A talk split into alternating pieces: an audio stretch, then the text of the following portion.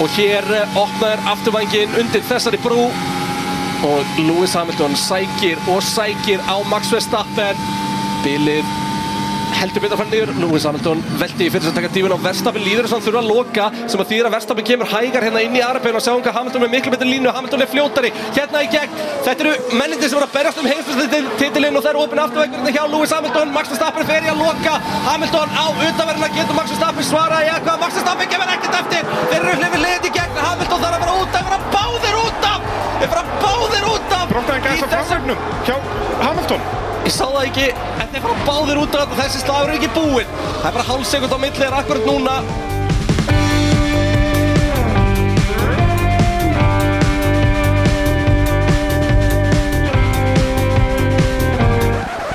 Dorime, interimo ad appare dorime, Rægi Þórðarsson lesur Mattíðisar Guðspjalli við 20. kapla.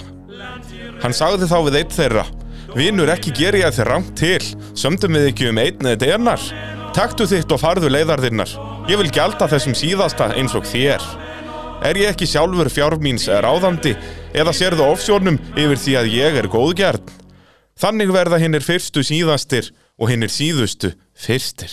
Vá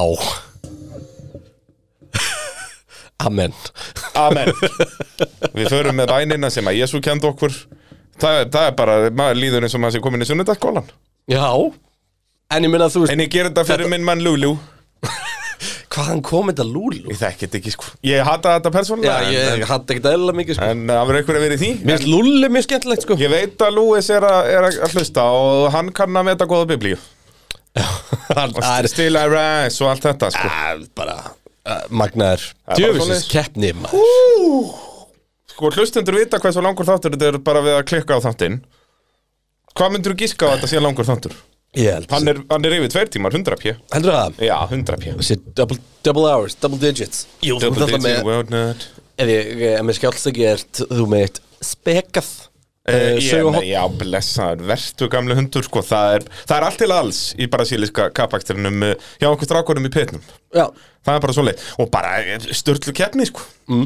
bara algjörlega, og líka skemmtilega á þann hátt að þetta var ekki eins og flestar áhugavera keppnir sem eru bara karbonfæber út um allt og allir að klessa hvort annan þó við fengum líka alveg dassan því Samt ekki nei, nei, en, en við fengum karbonfæber út um allt tvisman sinnum en, uh, Þetta var svona ógustlega clean kappakstur með það að gera að hann var svo pjúr sko. Það var Já. ekki eitthvað gimmick í honum sko. Ég segi það, þetta var ekki þannig, þú veist, að efstu þrýr duttur leik og þess vegna náði Hamilton að vinna þessu upp pakkan Þetta og var ekki svo baku sem að sökka eða þangla dekk fór að springa Nákvæmlega, og Baku var síðan geggjað eftirminnileg bara út af því skilur Eh. uh, Sturli staðarind Jæja, Við erum í Nóa Sirius stúdíu podcastöðunar það er hár rétt hjá þér og, og við erum í bóði verkvarasölunar Viaplay og Orlís í Þokkabot Pá! Það er bara nákvæmlega svo leiðis Heyrðu, býtu, var ég ekki komið nýjan takka eða? Býtu, talaði eitthvað, ég þarf að finna Bara ég er ít á takkana Hann er ít á takkana Hann er búinn að finna takkana Hann er ítir á takkan Það heyrist Það ekkert heyrist ekki neitt, við skulum halda hæstunum okkar Þetta er náttúrulega í tilefni að að við vorum með frábæran gest hér í, í síðasta þengt. Tjúvill var það gaman Fú! Sko, jafn gaman og mér finnst að setjast bara niður með þér Og tala Þá er ég ekki frá því að það hefur jafnvel verið skemmtlar Þegar ég er með þér og Pétri Já, þetta er bara, ég, ég legg til að það þurfa að byrja hvern einasta dag bara á því að spjalla við Pétur í, í tvo klukkutíma. Stórkostlegur Peter Johans Fusion uh, kom í pitinn og hægt er að hlusta á þann þátt inn á pitturum.is. Og uh, það er Götum veistla Það er það. Það er bara Þetta d- Tæplega tvekja tíma þáttur. Að, Hefði getað verið fimm, sko já, leikandi. og Við getur getum bara þurft að vel fá hann verið við- já. aftur, sko. Þú veist, þegar við fórum alltaf yfir uh, allt uh, PG Carsio, Lemons, Já, æventýrið já, og ekki, bara- við fórum ekkert svona al- yfir allt við bara svona stikluðum á stóru og svona alltaf þessi saga hans í, í bílum og annað, bara gjöfsanlega geggjuð Já, störtlu, þú veist, þessu geggju sagan um hemma Gunn. Oh my god, er það grínast hvað þú stöldið það? Þetta er bara, oh, what a Jakki. man. Geggjuð Það er bara nákvæmlega svo leiðis. Herru, uh, hvernig, hvernig er þetta að stilla upp þessum þætti, Bræði?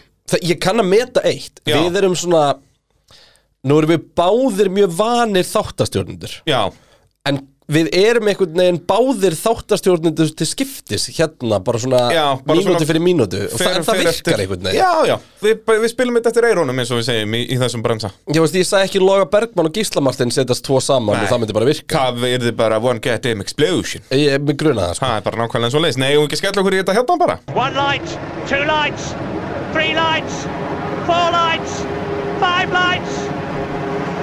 And it's go, go, go! Senna is trying to go through on the inside and it's happened immediately. This is amazing. Senna goes off at the first corner.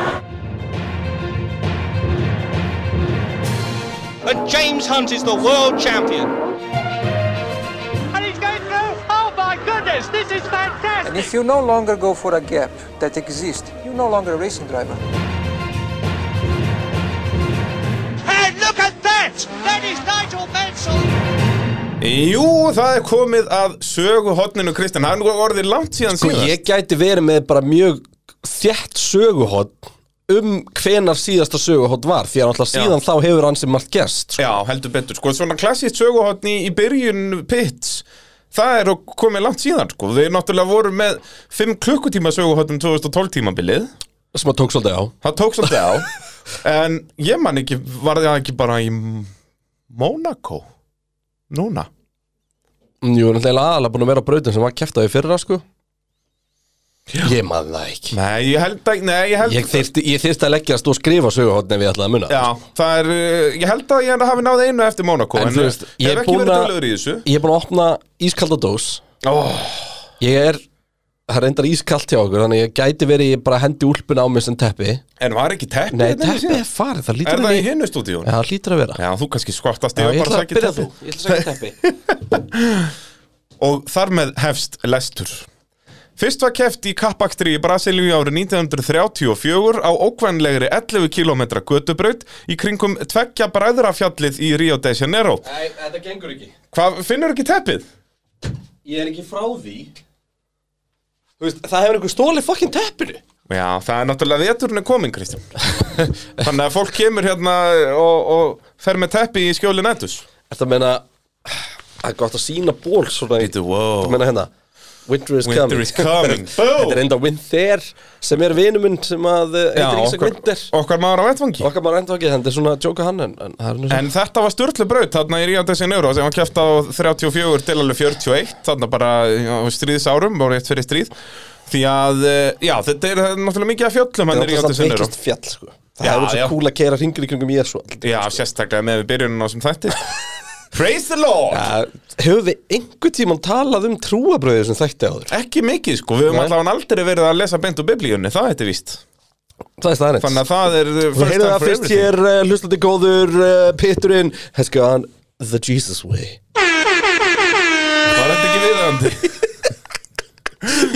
Ú, ég hefði langt betur við alltaf Uh, keft var á götum Ríó allt til ársins 1941 en keppnin var þá aldrei titlu sem alþjóðleg Grand Prix keppni þarna var þetta bara nokkur brasilíumenn að koma saman að kera bíla í, í ringi Það sem að gerir Já, já. Árið 1936 hófst vinna að sér smíðaðir kappastusbrauti í útkverfi São Paulo sem kallaðir Interlagos að sem hverfið liggur milli tveggja lóna. Það er stjórnlega staðrind að þetta er í rauninni manngerð vötn þarna, þetta er ekki, ekki bara náttúruleg stöðuvötn. Hvað hérna, sa, hvað ár sagði 1967 36. 1930, São Paulo Jep. Þegar þeir byrjaði að smíða brautina fyrir stríð. Interlagos Jep, byrjaði að Holy keppa, shit. byrjaði að keppa á henni fyrir stríð. Já, já, ég er komin að réttan stað í skjálunni núna Það er bara svo leiðis. Fyrst var keft á Interlagos-brautinni árið 1940 en rétt eins og göttukeppnina Ríó voru þetta ekki alþjóðlegar Grand Prix-keppnir. Veistu eitthvað um brautina, þú veist, þá? Var hún svipuð veit dag? Nei, þarna er þetta lengri útgáfan sem var alveg keft allt til ársins 1980 á.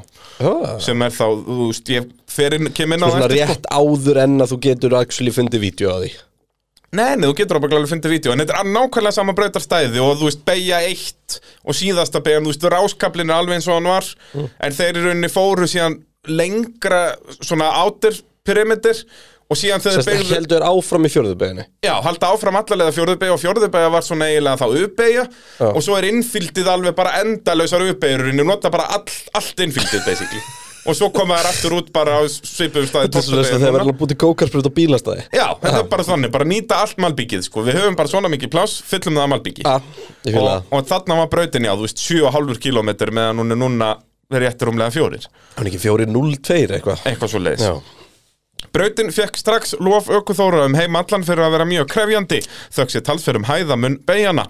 Einnig þóttu ökumunum albyggi vera full gróft þessi fyrstu ár. það er sann svo steikt með hann að hæða minn bræði Já. að þú veist, hann er ógeðuslega mikill en þú finnur eða ekkert fyrir hún Ekki þannig, en þú veist, hann er alltaf til staðar, en þetta er ekki svona eins og, þú veist, Austin þegar þeir byrja að fara bara upp fjalla fyrstu beigju, skilur. En hann, það er samt alltaf, þú ert alltaf að fara hann hvort upp eða niður. Þetta er nefnilega, þetta er sko ég er búin að pæli, það er úrslega með þess að Austin er bara einhvern veginn ein beigja þú veist, það er meira bara svona, hei, henn er silly förum upp á brekku Já, og já, eitthvað. en það var bara dömpa fullt af, af mold þarna. Já, og- eina brautin sem ég man eftir sem er eitthvað svona hillclimb bara fílingur er hérna Bathurst Já, þegar en, maður, úf, en ég, það var geggjubraut en ég keirði vepparinn hann ekki ekkert um Red Bull það ekki það ekki. með minni það Kenndi en við. Hún er hérna, náttúrulega alltaf þröng fyrir Formule 1. ég ætla að keppa Já. en ég sá ekki áhugavert vídeo sem var bara gert í einhverjum töluleik bara um helgina og það var spakið aftur og back og þá er miðkablin bara hillclimb Já. það var alveg áhugavert sko. upp að, já, auðvitað því að upp öll að bara hækkunin kemmilbeinakaflanum. kemur bara í órós Já. það er bara öll hækkunin Já. Svo, og svo ertu bara á að fall- flötu pleini Já, og þar til svo ertu bara að fara byrjar niður til hæ- Já, það er rétt Og ert bara svona hægt og rólega að fara niður En þetta er ekki svo hægt og rólega niður þú ert að fara upp sko. Nei. Þú veist, Að vera okkur kraftlausu bíl í hináttina Það Það er er alveg vesen, glóralust sko. Já, út af að þetta einmitt byrjar þarna bara svona á miðju tímatöku sem þeir tvö og endar svo þarna bara þú ert kemur upp á kemmelkaplanurinn eða siksökinn þar sko. Það er áhugavert uh, Þá tók yfirvöld í Brasilíu 32 ára að fá Formule 1 sirkusinn til Interlagos og árið 1972 fór fyrsta alþjóðlega keppnin fram á brautinni Keppnin var þó ekki partur á Formule 1 heimsmyndstaramótinu heldur vildi FIA aðtúa hvort að Brasilíu menn gætu haldið keppni alveg svo gert uh, hafði verið í Mexiko 10 árum fyrr Þannig að það snýrist ekkert um brautin Þetta snýrist bara um hvort að Axtur sig út að samband Brasilíu geti haldið kemni Akkurat Ok. a, a, Og Fía voru mikið að vinna með þetta eins og þarna, við töluðum um svolítið um Brasilíu Þú veist, Jim Clark vinnur þarna fyrstu keppna sem var ekki formuleitt mót Já.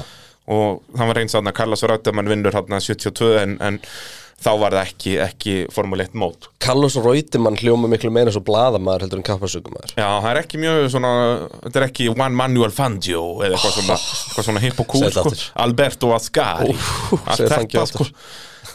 Juan Manuel Fangio. wow. Það er bara nákvæmlega svoleiðis Brasilíska akstuðýratasambandið stóð við sitt og var keppnin orðin partur heimsastaramótinu ári síðar. Á þessum árum var brautin allt öðru sem við þekkjum í dag. Einungis er áskablin, fyrsta og síðasta beigjan hafa staðist tímans tönn, en, fyrsta, en fyrstu átta árin, eða allt til eh, 1980, var brautin tæpir 8 kilometrar, nánast tvisasunum lengri en hún er í dag.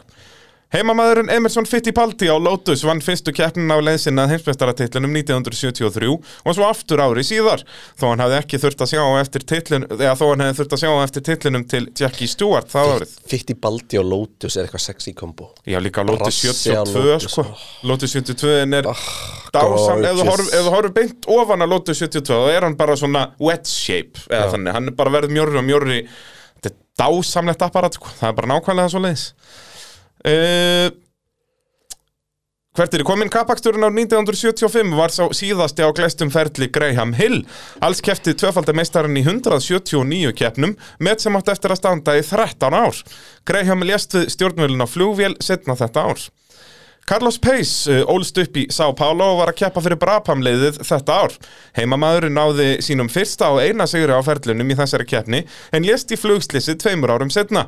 Nokkrum árum setna var Interlagosbrautin uh, endurnemd í höfuðið á Carlos Pace og ber brautin það nafn enn þann dag í dag. Það er samt svo steikt Ég held bara í alvörni að ég hef verið að heyra Jose Carlos Pace í fyrsta skipti sem nafni á brautin á þessu ári Já. Það Þetta er bara var náttúrulega alltaf að ekki tala um- brasilíski kappaksturinn, þetta var São Paulo kappaksturinn. Já Það er... En það er alltaf bara að tala um Interlagos Já. En þetta er samt svo oft svona að brautir heiti einhverju... En spáði í því að við myndum hérna búa til braut bara á Íslandi og hún væri bara eitthvað stær hérna á milli Úlfljótsvatns og Þingvallavatns og við myndum bara hérna skýrna milli vatna milli vatna, það er grjóthart Þú veist, og, En þú veist, Interlagos, það hljómar eitthvað svona, wow, Já. milli vatna Já, og síðan kæmið, þú veist, David Croft og þessi kallar Milli Verna Milli Eða eitthvað. Verna. Já, þetta væri vesen, sko Það er nákvæmlega svo leiðis uh, Fittipaldi varð annar á eftir Pace en aðeins, e, e, aðeins einu sinni átti það eftir að gerast aftur á Brasilíu menn kláraði fyrsta og öðru á Interlagos. Það var árið 1986 þegar Ayrton Senna kláraði annar á eftir Nelson Piquet. Interlagosbrautin var mjög gróf og árið 1977 fannst ökumunum nóg komið. Það var þó ekkert að óttast því búið var að smíða nýja kappastusbraut í Mýrlendinu í Jacari Paguau hverfinu í Rio de Janeiro og uh, fór Brasilíki kappastunum þar fram árið 1978. Planið var að Jacare, Paguau og Interlagos myndu skiptast á að halda brasilíska kappaksturinn næstu árin. 1979 kappasturinn fór því fram á Interlagos uh, sem nú var búið að bæta til muna með nýjum pittbyggingum á samt nýjum albyggi á brautinni. Þá voru ökumenn ekki sattir því að vissulega væri brautin ekki af gróf og uh, fyrra ár að þá var varla hægt að keira hana þar sem albyggi var svo gríðarlega óslétt. Ekki var ástandið betra í Rio de Janeiro því aflýsa þurfti keppninni sem átti að fara fram á Jagari Paguau brautinni árið 1980 þar sem Albyggi hafði sokkið ofan í mýrina sem brautin var byggð ofan á. Því þurfti formúlun að snúa aftur til Interlagos það árið. Það er pínu vesinn Hver eru ekki lent í þessu að smíða kappasusbrautun á mýri og hún, uh, þú veist, það var bara, hún var byrjað að brotna öll upp Malbyggi og þetta var bara, þú veist, já, farið að sökva. Árið 1980 voru Ground Effects bílarnir að tröllriða formúlinni. Til þess að þessir bílar virkuður í ett þurft að hafa mun stífari fjöðrun en þekktist síðustu ár. Vandamálið er að, braut, að brautareigandur Interlagos hafði ekki tíma til að betrumbæta brautina frá árun áður því þeir heldur að næsta keppni færi fram 1981 en ekki 1980. Því var brautin alveg jafn óslétt nema nú voru bílarnir mun stífari. Þetta gerir það að verkum að keppnin var stór hættulegt og kröfðust margir okkumenn, þar á meðal ríkjandi eh, heimsmyndstærin, Suður Afrikumadurinn Jóti Sjekter, að keppnin færi ekki fram en án árangus. Ekki var, það til, ekki var það til að hjálpa að íbúafjöldi í Andalagvaskverfinu hafði aukist um 3 miljónir á síðustu 8 árum sem gerir brautastæðið einstaklega óaðlaðandi fyrir Formúli 1 sem nú var að reyna að líta sem best út fyrir heiminum með beinum sjónvasútsendingum frá hverju kjarni. Já, þetta var sæna Rolex sko Já, þarna er, er þetta allt að byrja, þú Mm. veist, ég held að fyrsta live útsendingin er í japanska kappasunum 76, þú veist, þetta er þarna fjórum árum setnast, þannig að, þú veist, þarna er þetta að færa að snúast um að, að vera appealing og, og Þetta vera var í flott. raun og veru svæðið í kringum brautin og orðið bara slömm Já, þú veist, þetta hefur alltaf verið middluklass hverfi, sko, Já, í- og, og, en í Brasilíu, Ég veit sko. ekki svona lower middle class niður í Jú, jú, en þú veist, það er alveg, húsin við vötnin eru mjög fanns í, sko.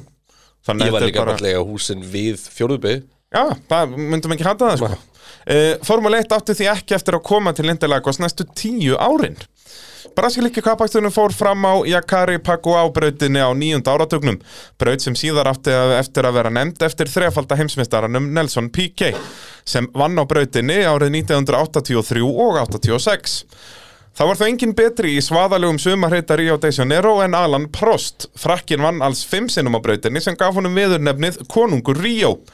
Prost vann brasilíka kappaksturinn í sjötta skiptið árið 1990 en þá var keppnin aftur komin til Interlagos. Stór ástæða þess að brasilíki kappaksturinn var færður til Ríó árið 1980 voru vaksandir vinsaldir Nelson Piquet sem var uppalinn í borginni. Nú voru vinsaldir hans að dvína en aftur á móti var vinsalasti ökumadur Brasilíum um þessar vindir uppalinn í São Paulo. Þetta var að sjálfsögðu Ayrton Senna.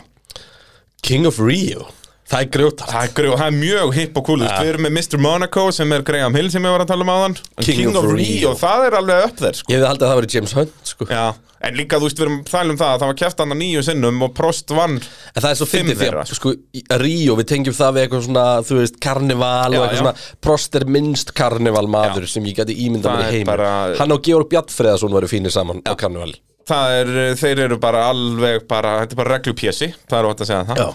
og hérna, Þannig að ég hefði frekar trú að hann ekki láta alltaf vera viltur sko.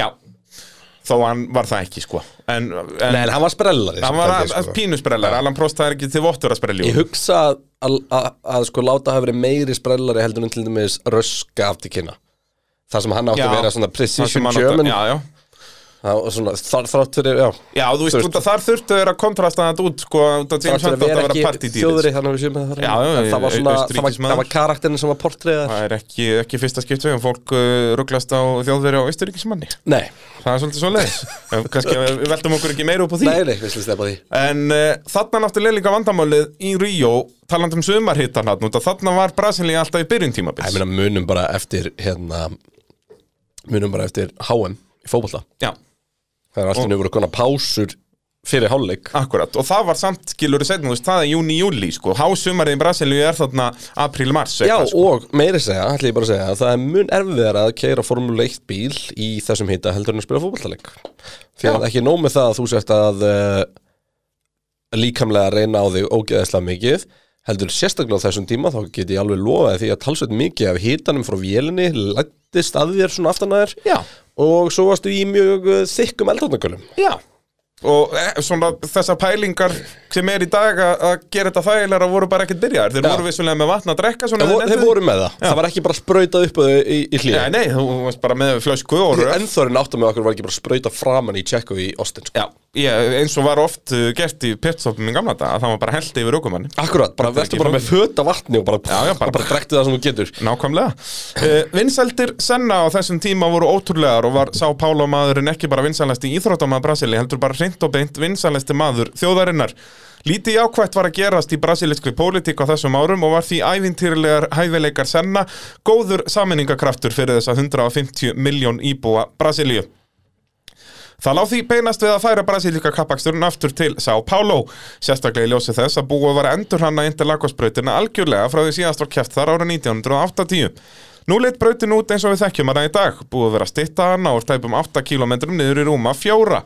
Búið að vera að eða 15 miljónum bandaríkjadala í upphæra brautastæði sem nú hafði flottar Spáði í stúkur þessu. á samt pittbyggingu. Ég ætla að stoppa hérna. 15 miljón bandaríkjadala Já. Þú veist, hvað heldur þau að bara fyrsta beigjan í Miami kosti núna? Meira en 15 miljónum. Svona 500 miljón dali Bara, þú veist, brautarstæðið þar er ábygglega biljón dólarar, sko. Já, Meira, jafnvel eitthvað, eitthvað svoleiði sko en uh, þetta var uh, talsveru peningur á þessum tíma og sérstaklega fyrir Brasilíu Uh, keppninu farið fram á Autodromo og Jose Carlos Pace brautinni öll ár síðan ef frá er talið COVID árið 2020 og er þekkt fyrir að vera eins og allra skemmtilegasta ár hvert.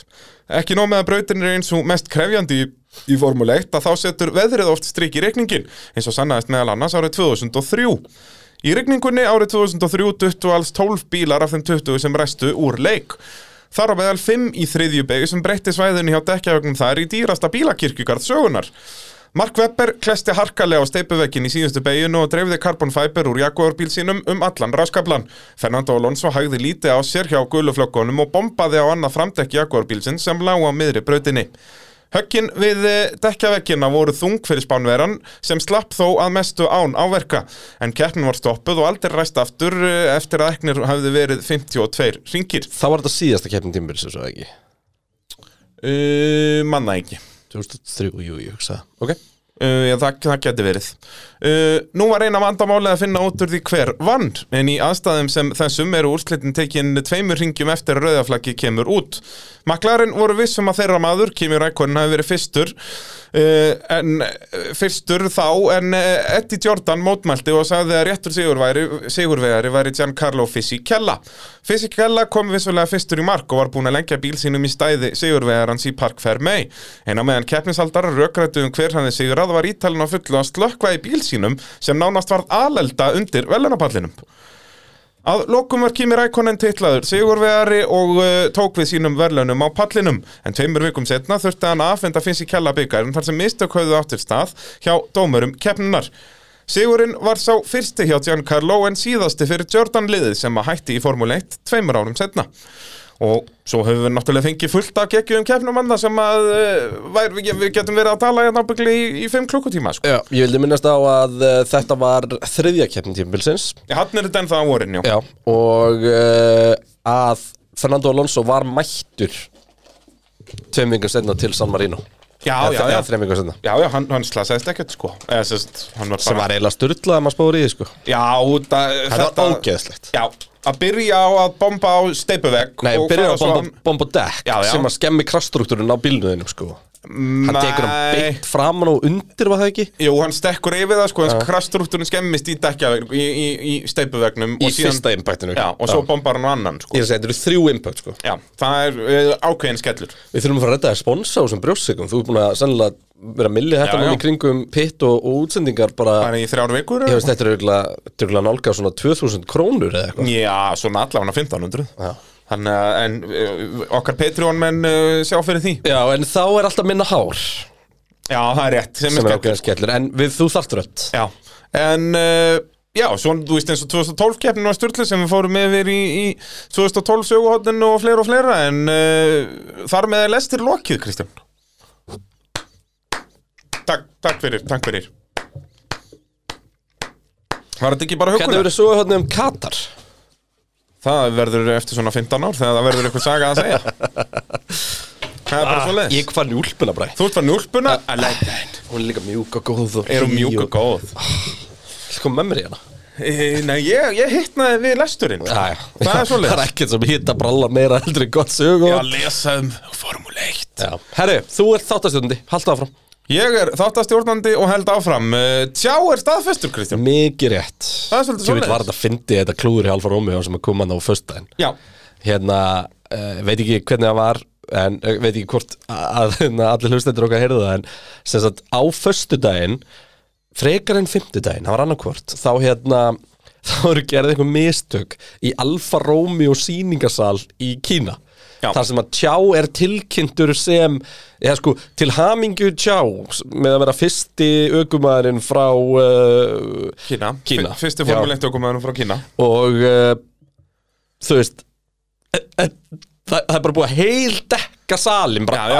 öll framrúðan er bara mynd af tjá og eitthvað svona dót sem ég held að eigi að bera fram tjá Já, já þar er Við, þennan nú kemur verðum ljós. við að researcha það allavega um, en uh, náttúrulega engin tilkynning komum frá Alfa Romeo en mannstu hvað ég sagði eftir Texas þegar að hann, nei eftir Mexiko þegar að eh, Giovinazzi fór að gaggrina liðið Mhm. í viðtölum og svona hann var farinn, hann var vitað Það er allavega að vissi einhver markasmaður í Kína það Já.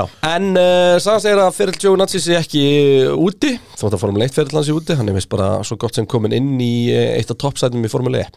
1. Já, hann er þú veist líka Hann er bara fínn þar. Já, fít, hann er fínt Allavega allavega nákvæmlega svona síðustu fjórum keppnum ásins, það var hann frábær. Já, nákvæmlega, nákvæmlega Hann verður hérna, hann er bara ekki nógu góður Formule 1 okkur því miður Nei, Það er hvað bara næst? svoleiðis. Hvað næst? e, Skellur samt að hann sé að hætta loksist þegar ég fann að bera nafni rétt fram. Antonio G- Já, Giovinazzi ég stæði verið að segja Gio Natsi. Eitthvað svo leiðis ég, ég vil líka gefa sjátt á okkar menn á Amazon sem að loksins gá okkur, AWS. já, loksins gá okkur grafík sem er eitthvað áhugaverð Já, pittlindótið. Já, hérna, vita, sérst að breyka niður pitstoppin, sko, að þú tapar svona miklu á entry, svona miklu í boxinu sjálfa og svona miklu á leiðin út En og þið geti allt aldrei gefið okkur deltað fyrir eftir svona 25 ringi Já. og ég svona reyndar, ég ætti alltaf bara að byrja að skrifa það hjá mér eitthvað staðar. Mm.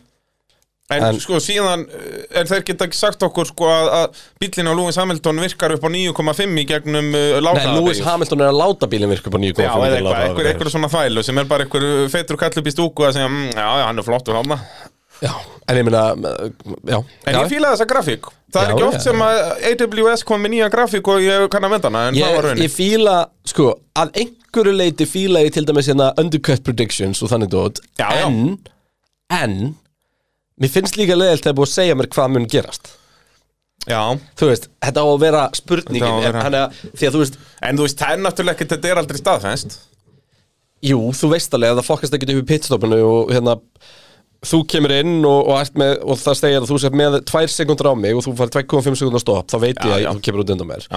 en uh, við að horfa eigum erfiðara með að sjá það þú veist, við getum bara sagt, heyrðu, þú veist, hann er rosalega hraður eða bla bla bla eða eitthvað á hérna útringnum Já. en þú veist, já, Það Þetta- þetta er þetta er góða spurning. punktur, góða punktur. Uh, Sæþór Sumalegason spyr uh, Sir Lewis var ekkert eðlilega góður þessa helgina Því spyr ég ykkur Hvað er í góði, góðri eðlu að ykkar mati? Hvernig er hún? herru ú, sko, Þetta er þín deild sko Ég er ekki mikill eðlu maður eðlur eru frábærir Þær eru það? það er, það er mjög steikt, því að það er það, er, það eru, sérst, það eru tvær útgáfra eðlum á mínu heimili Já og önnur er svo skrítin að ég hveti ykkur til að prófa hana Wow, ertu hún, með er- hún er kontroversial? köld, þannig þetta er meira bara dip sko. En Já. hérna, ég veit ekki hvernig það gerist Þetta, þetta er mökkstikt sko Ok. Og þegar kona minn gerði þetta fyrst, þá var ég bara Hvað ertu að gera? og ef ef ég maður þetta var gert, þú veist Var gerð heit og hún á sama tíma Og þessi kláraðist bara En ekki Já. heit En sérst, heit er náttúrulega nokkuð auðljóslega bara rjómaostur, salsa og ostur Já, já, við En ég þekkjum er þetta nafn, jalapeno þekkjum maður þetta Þannig frasa. ég, ég set smá jalapeno Ú, á hana líka. Mm. Það er gott sjánt Virkilega gott sjánt þessi kalda er mökkstekt það er bara rjómaostur mm Mhm. Eh, salsa mm kál Ok vimber og svona smátt skoðum paprika og ég er ekki að ekkert tjóka, þetta er geðveikt dip með s- hérna, svarta doritosnu það farið svona smá s- svona sætt á móti Þetta, spæsinu þessi pitstáttur, við erum að fara í öll ekstrím, við byrjum að lesa úr biblíunni og við reytum þessu síðan í, í í, nú, uppskrifta í nútíma trúabröð, eðlur Já, já, já, það er, það er aðlutnar.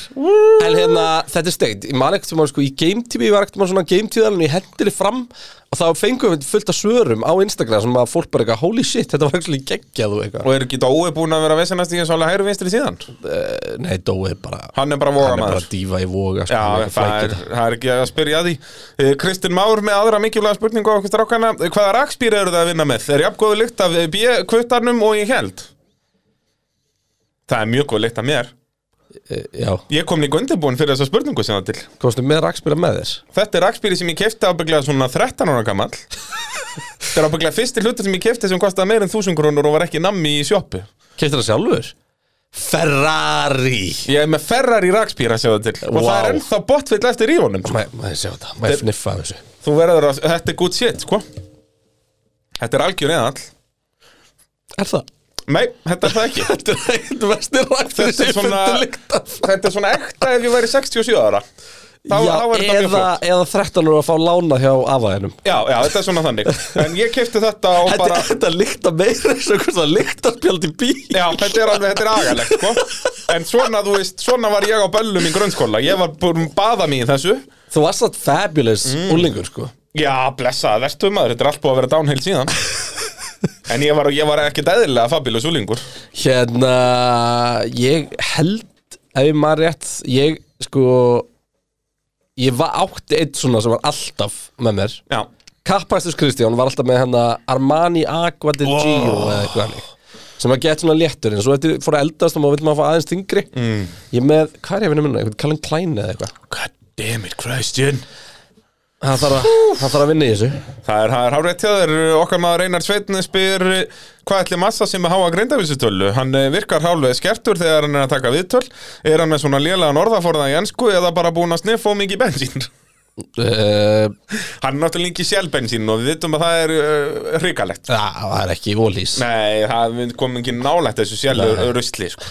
Og þannig að sjáu þið bara ef þið notið Svona fer fyrir ykkur ef þið eru í sjálfinu ef þið farið í olísbensinu þá verður maður alveg svo nýriðin kjallingur það er bara svo leis bara þannig En, En eh, hérna Jú, massa er ekkert svo skarpast í ennskunni sko. Nei, ég held að massa, massa sé mjög klárna ángi Já, sko. 100% Og ég held að, veist, með- það er, það er, það er, það er mjög auðvilt að henda í lóbló á hann og segja bara, hann er gerðilega mjög heimskur Ég nei, held hann er samt að það sé það alls mjög, ekki. mjög En gáðagur sko. ég skil ekki af hverju er halda áfram að láta hann taka viðtöl á Já, ensku. ég þar ætti frekar að skoða greindavistölu fólks Já, þetta eru pródusserarnir sem er að skýta á sig þarna en Þú ekki, ekki massa Rúbens bara í kellu voru á brautinni Ég segi Hann það, er frábær í hann er- ennsku hann er mjög Og fínn hann í er líka bara svo líklegað og hress Já. En hérna, sástu, sástu hvað massa gerði um helgina?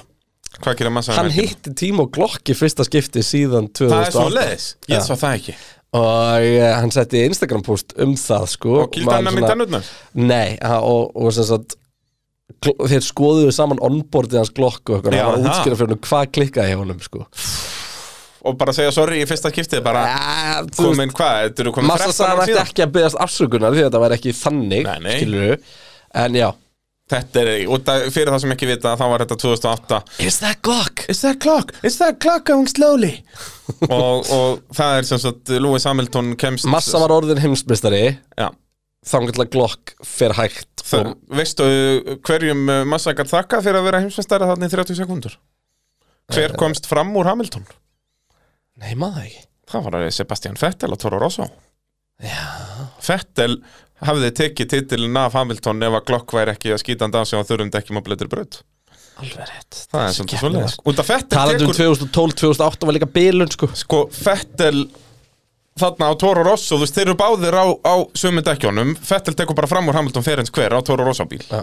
Í brautinu og þannig tapar Hamilton titlinu. Þetta var alltaf geðveikur í regningu líka Já Og bara þannig, þú veist, eins og hann er nýbúin að vinna Monsa kappakturinn og allir löðrandi léttir Já Ef við þá að snúa okkur að Að Formule Keppni. 1 þá eða ekki rakspýrum og, og eðlum Þa, Þetta getur verið nafn á rappalbúmi hjá mér Rakspýru og eðlur Raksur og eðlur Búm Mercedes auka fórskot sitt í heimsmeistarkeppni bílasmiða um upp í hvað 11 stig Já, 11 stig Um Er það svo leiðis? Kom með 11 stig að fórskot eh, og uh, Lewis Hamilton á, já, hraðastur í tímatökum Disqualified Já, þetta er áhugavert að sjá, við setjum alltaf upp sko, hver þeir enda í, í hverju sessjóni Já. Hamilton, eða sérst, hver þeir ræsa í þetta Já. er með refsingum 20. 10. 1. Já.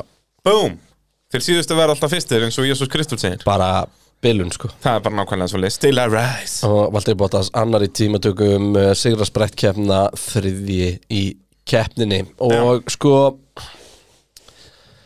Ef við byrjum að tala um eitthvað Það er svo mikið að spurningum Ef við taka þetta í spurningum Ef við Já, að það tala ekki, um þú veist, þetta spurningarnar eru, þær kofir allt Þannig Ok. okay. engar áhugjörn af því Gunnar Björn spyr eh, varandi refsinguna á Hamilton Hversu mikið starra var DRS-opið en leifilegt var? Var þetta 0,1 bílun eða viljandi? 0,2 millimetrar Já, það er staðfist, 0,2 millimetrar Óviljandi A- 100% óviljandi, þetta er annarkvort sko bara slag í búnaðum sem opnar afturvængin eða í, sérst, það eru bara svona lit, litlir carbon fiber stopparar Já. og þar getur bara verið laus skrúa basically Einmitt. og þetta Og- var bara sérst, öðru megin af vagnum Já, og þú myndir aldrei hanna svindl sem væri ekki jafnt báðu megin sko. Já. og, og þetta er sérst að búnaður sem er notað til að mæla þetta er bara svona plastringur á stöng og stöngin er sérst að átaksmælir líka og þeir með að pota í þetta með 10 10 newton newton, uh, já. krafti og þegar þeir potuð að nákvæðin ákveðin staðið vagnum að þá hrökkit í gegn Akkurat og Og við erum að tala um að 0,2 mm er sama og þyktin á uh, lakkinu á Mercedes-bílum. já. það er bara þetta sama og þyktin að hárun á mér Já. það er svolítið svolítið og það er ekki mikið að frétta í þeim öfnum það er, þetta er ekki venjulegt sko venjulegt hár er þykkara en 0,2 mm sko. það er bara, það er nákvæmlega svolítið þannig að og En þetta sko, er bara þetta er- gríðarlega óhefilegt Já, og, og ég skil Mercedes að prótesta. Það, sko, Mercedes prótestið snýrist ekki um að Max Verstappen hefði fokkað ykkur upp. nei, Höfum það alveg á hreinu.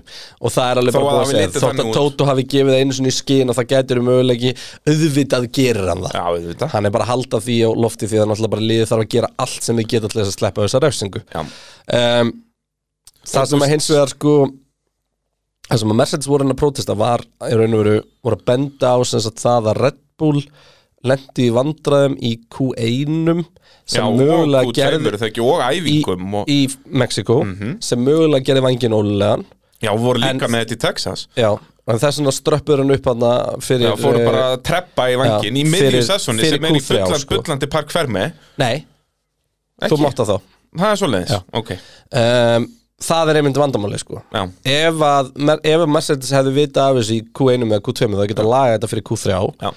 en um, í raun og veru og, og þú veist þannig að það sem að Mercedes voru að argju var bara þú veist, herri, þetta er ekki eðlilegt, þetta hlýtur að hafa gerst í akstri já, og ef að bíllinn einhvern veginn tjónast í akstri þá er alveg til undan þá já, mátt alveg gera við það Það er Bara eins og Red Bull eru búin að gera í síðustu tveimur kefnum Búin að vera að treppa í afturveng Þessi 0,2 mm voru ekki að gefa Lewis Hamilton þessa hálfa sekundu sem að, Nei. eða hvað 0,4 sem að hann var með á þessari Ekki séns, þetta er ekki að gefa hann 0,1 sekundu sko.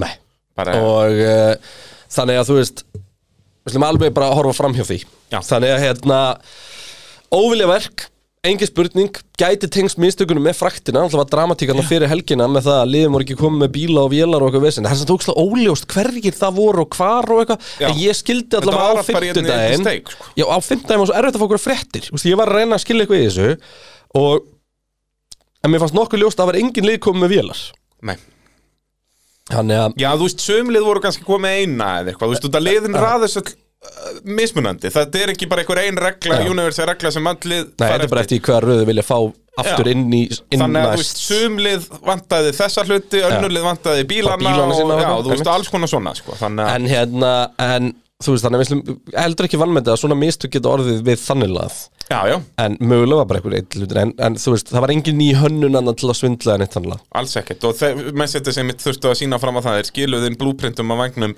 til fíja til að sína, þetta er alveg sama hönnun og sjá samkvæmt hönnuninni er þetta ekki svona Já. Þess, þetta er bílun uh, og Red Bull og allir voru sáttir með það að þe- þetta var ekki Já. deliberate svindl Það var engin að reyna að halda því fram Já. Uh, Jón Örn spyr uh, hver spottaðist þærra bíl á afturvagnum voru það Arnar augu Max Verstappen? Uh, nei, Um, En, en það, er áhugavert hvað Max Verstappen var að gera líklegast Það er út af því að ég spái því að fyrir næstu keppni munur Red Bull setja inn kæru á Mercedes Já, uh, sko, málið er það að í vangja, sko, all, alveg Mhm. síðan að Mercedes byrjaði að fara miklu hraðar í beinni línu er Red Bull búin að átt að sjá hvað það er að gera Já, um, ofan á að bara afturfjörunin en, en þeir eru líka að horfa aftur vangin Já, uh, fyrr á þessu tímabili þá náttúrulega prótestuðu hérna Mercedes afturvengnum á Red Bull bílum sem að var til þess að nú eru komið þess að punta á afturvengin og þessi puntar náttúrulega eru semst hugsaði þannig að það er alltaf myndavél á afturvengnum bara eins og við sáum þegar að Max Verstappen og Lewis Hamilton lentu næstu í saman að við fengum bara að sjá aftana bílinn en ástæðum fyrir því að það þarf alltaf að vera aftan, myndavél aftana er það að það er líka verið að monitora vangja og monitora flexið á vangjunum ég hugsa að fía þurfi ekki að gera það, því öll lið eru að monitora og hverju Já, það er, eh, Það er bara, ef það verður eitthvað þá kemur kæra, engar ágjur það er 100% svo leiðis en, En- þetta er svo sniðugt við, við Carbon Fiber efnablönduna í þessu að þú þegar þú ert á 310 km hraða að þá getur þú látið þetta flexa Akkurat, og þá, þú veist, verður vengurinn flatari Þá ferur hraðar, svo bremsar þið, þá liftist hann upp Þetta er svona eins og Active Aero á superbílum Og þetta var alltaf reynt í Formule 1 á tímbil og var bara bannað Active Aero er bannað en Fyrir það utan var- DRS. Já, fyrir utan DRS, en það var grátt svæði Já, basically, þú veist, ef við vorum að smíða bíl sem ætti að fara í að platta hættir Þá myndur við vera með svona DRS búnað á öllum vangjum Já, Og það þetta væri væri bara miklu hydraulic, meira bara- af Já, og þú já, væri þetta með væri- og þetta væri líka að fara frá hægri til vinstri og Já, allt í fyrir gegnum utan það, beigðunar sko. bara eins Þetta og, væri bara, eins og þú veist, þessi mestu ofubílar í heiminum í supercar sko. ég segi, það er bara allir En- vangir væru lifandi á alla kanta en hérna, en sem sagt málið er það, þetta tekur bara hvort vangurinn er að beigjast niður í raun og veru að bara efri hlutin á vangurum leggist og hann verði flatari Mhm. og sem að það er ákveðin Mercedes í, í reglum sem sagt, að þú, hann má gera ákveðið mikið af því en ekki fara yfir eitthvað ákveðið limit sem Já. að Red Bull voru að fara yfir einmitt, undir x miklu lóti á hann ekki að beigjast meira en Mhm. þetta og þetta, er- þetta er test sem er nefnilega ógstlega erfitt að gera þess vegna fara þér yfir þessar sjónvarspælingu sko. Jep. en málið er það, þetta tekur bara framan á vangnum eða sérst ofan á vangnum Já, já. en vangurinn er náttúrulega ekki flat eða, þú veist, hann er ekki sléttur eða svona bein lína hann er kúftur eins og flugulega vangur Mhm. og þá er spurningin er neðri hlutin að pressast inn í hann og þar með mjóka vangin Jep. og það er það sem að Max Verstappen var líklegast að gera og það sem hann er að gera er það að hann velur punkt og þetta, þetta er planað sko, Já, njúi er að 100%, láta hann gera já, þetta já, sko já. að hann fer og ítir í vangin sinn til að finna hvernig það hversu er stífur hann er fer svo að gera það sama með Mercedes vangin og bara dettur í gegnum Já. hann og hann finnur greinilegan mun og lætur liðið vita þú veist, sem gerir þetta líka kólólögt sem hann er að gera og fyrir viki fekk hann risastóra þú veist, 50.000 en vitum við að hann fann mun já, hann fann mun ok, en sem sagt og í raun og veru þá, þá hérna þá uh, verður þetta til en sem sagt fyrrum daginn bara, eða, eða bara strax á föst nei, f- var það Það var heldur ég annarkvæmt á föstu meðlöðinum Þá voru Newey og Co. mættir til fía að útskýra hvernig Mercedes var að svindla sko. Akkúrat. Ok, og þegar ég segi svindla þá er ég ekki að ásaka Mercedes um svindl Heldur ég bara að meina að vera clever í raun og veru það er formulegt snýst um það Akkurat, það má ekki miskildi eins og við séum eitthvað að reyna að rakka ykkur niður því að ég bara, þetta er hluti af því sem gerir þetta sport sem geða eitt um, og pointi með þessu er sko að, að hérna og pointi, ef við tölum um þessu refsingu bara sem verstafinn færi, þessar 50 stöður refsingu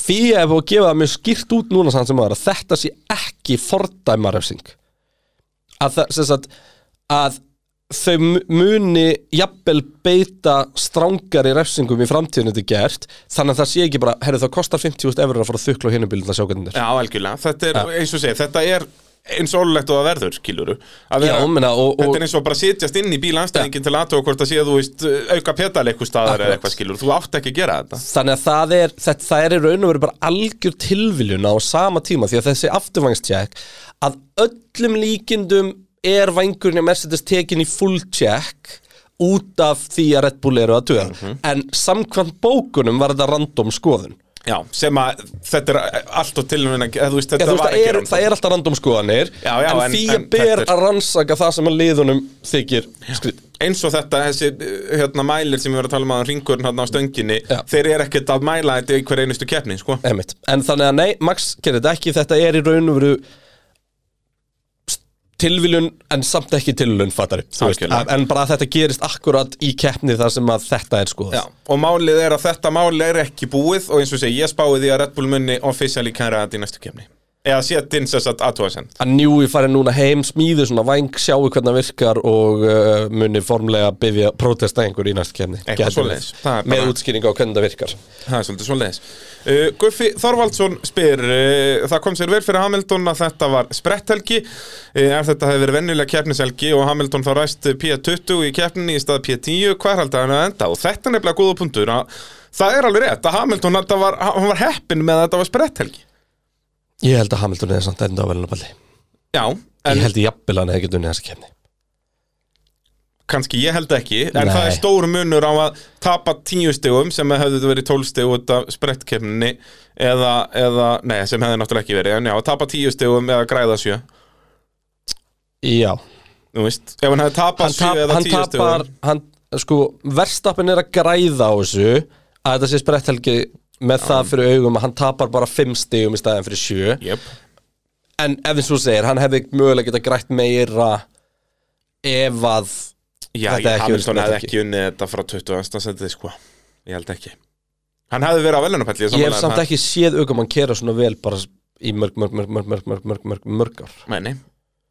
En ég minna hvað, hann tekur fram úr Verstappen loksins hvað þegar það eru 20, nei minna, 15 ringir eftir Nei minna minns að, var, var þetta ekki bara 60 ringa eitthvað sem hann tekur fram úr, loksins Já, Þú veist það var ekki, er- það var ekki mikið eftir, það voru 10 mínútur eftir eða eitthvað Já, þannig að ég held að hann hef ekki unnið Jú, og- voru ekki með tíu ringir eftir og uh, Bottas er níu sekundum fyrir aftan Peres þegar að, hérna, Tóto segir, að farðu og náðu honum Já, fyrir eða aftan Verstappen. eitthvað, en- Já, fyrir aftan Já, fyrir aftan verðstapin minna, já Þegar Tóto segir, að farðu og náðu Já, honum Og það var bara svona reiknistæmi sem að gekk aldrei upp Nei, nei, hann vantaði samt bara svona 5 ringi viðbútt Þetta var komið hvað, hann er fjóra og hálfa eða eitthvað í lokin Já, Þannig að þetta var ekkert út úr, út úr kortinu, sko einmitt En uh, ég bara í rauninni sem betur fer fyrir mótið að þá vann Hamilton Þannig að það er ennþá lífi í þessu Hvað er núna? Er 13 eða 14 á Þrett- milli? ekki 13 punktar á milli Já, þeirra eitthvað svo leiðis Maður sjá, Hamilton er með 318,5 Verstapin er með 332,5 Það er 14 punktar á milli þeirra 14 puntar, þannig að bara ef að Hamilton vinnur Tveir næstu sigrar. tvær keppnir og, og verðst appen í öðru seti þá Þá eru er þeir jafnir fyrir Abu Dhabi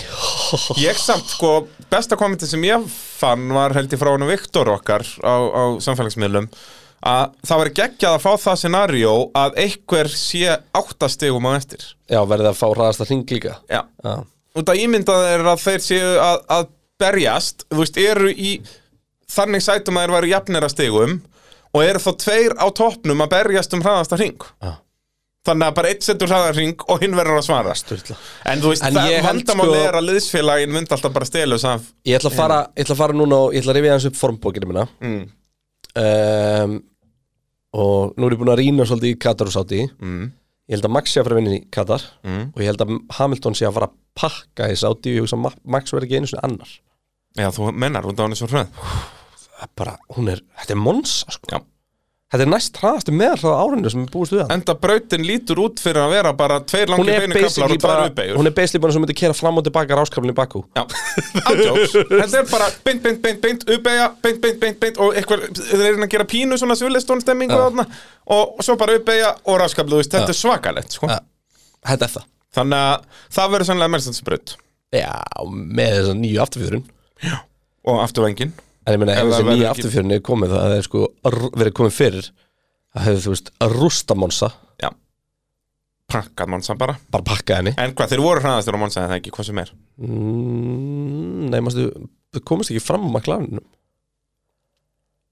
Með Bottas komst ekki fram á maklærinum Hamilton líka Já, ég, þetta- eins og sé, fyr- eftir þetta sísón verðum við að fara að Já, það, horfa það er allar svo mikið keppnir búið að aftur. gerast að maður man ekki allt, Nei, þetta fer allt í eitt graut uh, sko. Svo Aron líka við Friðrik erum alltaf að fókus og það sem er að gerast akkur núna og fara svo djúft í það, sko Ég segi Þá það. rugglast allt saman eitt, alltaf sömu, alltaf sömu menninir að Ég- berjast á sömu bílunum atvikin aftur og aftur, Já. þetta er Þetta svakalegt er rosalegt, sko Aron Friðrik eh, spyr eh, eru vélarefsingarnar fyrir Mercedes ekki bara eins og hraðasegt fyrir miljardamæring tekur mínus 5 sæti og mætir með miklu hressari mótor eh, skrúfaðan í botn getur þessi 5 sæti að no time greinilega og einar sveitn í rauninni spyr að því sama Eh, mun eh, Lewis taka fleiri vélar og stilla allt í botn eins og bottasalatin prófa virkaði mjög vel fyrir hann Ok, ég ætla að taka svona, svona almenna umræðið með sögulegarsingarpælingum mm Sko, Kristján Horner sagði einhvern minni viðtali að fersk hondavél gefi sérst, 1 sekundubrót á ring eða fyrir ekki 0,1 á ring, 1 tíundaluta Mercedesin er að gefa mér meira og ég held að það sem er frekar að gerast og, og því það kom, kom, kom að pottit spurningar einna, þú veist, með endarhraðan og eitthvað þannig lað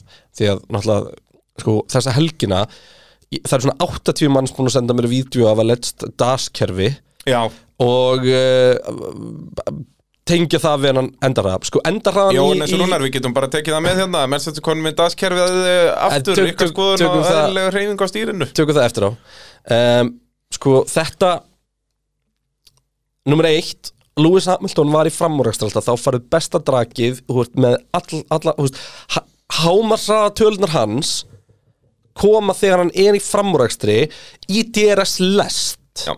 Bara með besta kjölsók sem þú finnur. alveg upp við gæðan fyrir fram að sig og hann er akkurat þar sem að speedtrappi er þá er hann að færa sig út úr til þess að skjóta sig fram úr sko. Og er það bara á 340 eða eitthvað. Nei, fór yfir 320 Já.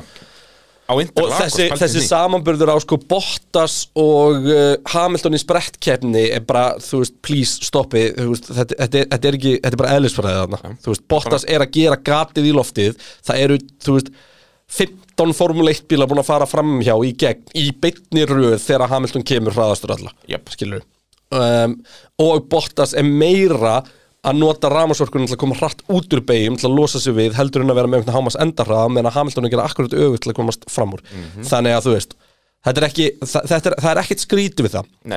Og hins vegar Appvélarinnar hefur minna með endar hann að gera, þú veist, þetta er miklu meira aerodynamic. já, hins vegar, nennir að fletti fyrir mig númi hvað var Tyrkland á tímabilinu því að sko Hamilton er núna á fymta fymti vélinu sinni, sem er það eina sem við vitum með vandamál, það er þetta ECE hjá, hjá Mercedes Sem er uh, internal combustion Já. engine. Og framan á tímbilinu er Mercedes greinilega svolítið að reyna að venda vélina sína En Já. eru búin að taka þá ákvörðu núna að þeir vinna ekki Red Bull ef að vélin er ekki í, í bestu stillingu Tyrkland var 16. Já, það var 16. keppnin Þannig að við erum að tala um hvað eh, Þá áttu eh, vélarnar að endast Já, vélarnar fram að því þurftu að vera að endast í 5 Og svo var einn sem þurftu að endast í 6 Já. keppnir Núna takaði vél í Tyrklandi Þannig að hún keppir 16. 17. Nei, já, nei, það reyndust á bara 5 keppnir Þetta er 16. keppnin, sorry Núna takaði vél í Tyrklandi sem er 16. keppnin Mhm. Og það er Keppa bara 16., 17., Bandaríkin,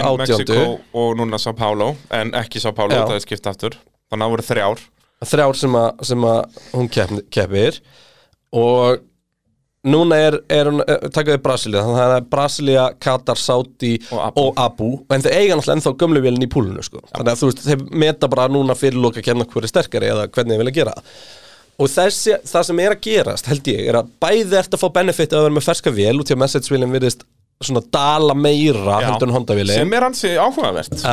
Að hún bara minkar svakal í performansi milli ég held kvenna. samt að þetta sé ekki svakalegt Nei, en þú veist, þetta er náttúrulega En ekki ég, það sem ég held að sé frekar er að sko, nú náttúrulega ég, ég hugsa að hérna sé vélar mót banni það sem að hérna, var ekki á síðstumbili sem Jú, var var, ekki var, mitt síðasta var tímabil. Monsa á síðstumbili sem var bannað að vera að skipta á fullu í keppninu um vélarstillingu Já, þú veist, aðalega milli tímataka og keppni Já, en það ég hugsa að þetta sé hafa meira áhrif á Mercedes núna í sko keppninni Já. að geta ekki verið að bara taka ákveðin ses- states af keppninni og skrúa hana svo bara niður til að koma með fóristuna bara til að halda henni og keira bara nákvæmlega platt og hinn eða eitthvað álíka og en núna var bara tekin ákvörun bara heyrðu Hamilton er bara on the limit driver skilur við viljum bara hafa hann on the limit og hafa mótorinn on the limit og allt on the limit þannig við tökum bara eina heldsvél fáum 5 sæta ræsingu það var ekki verið að búist í 20 sæta auka ræsingu þar og ná Nei, og um, bara fulla ferð skilur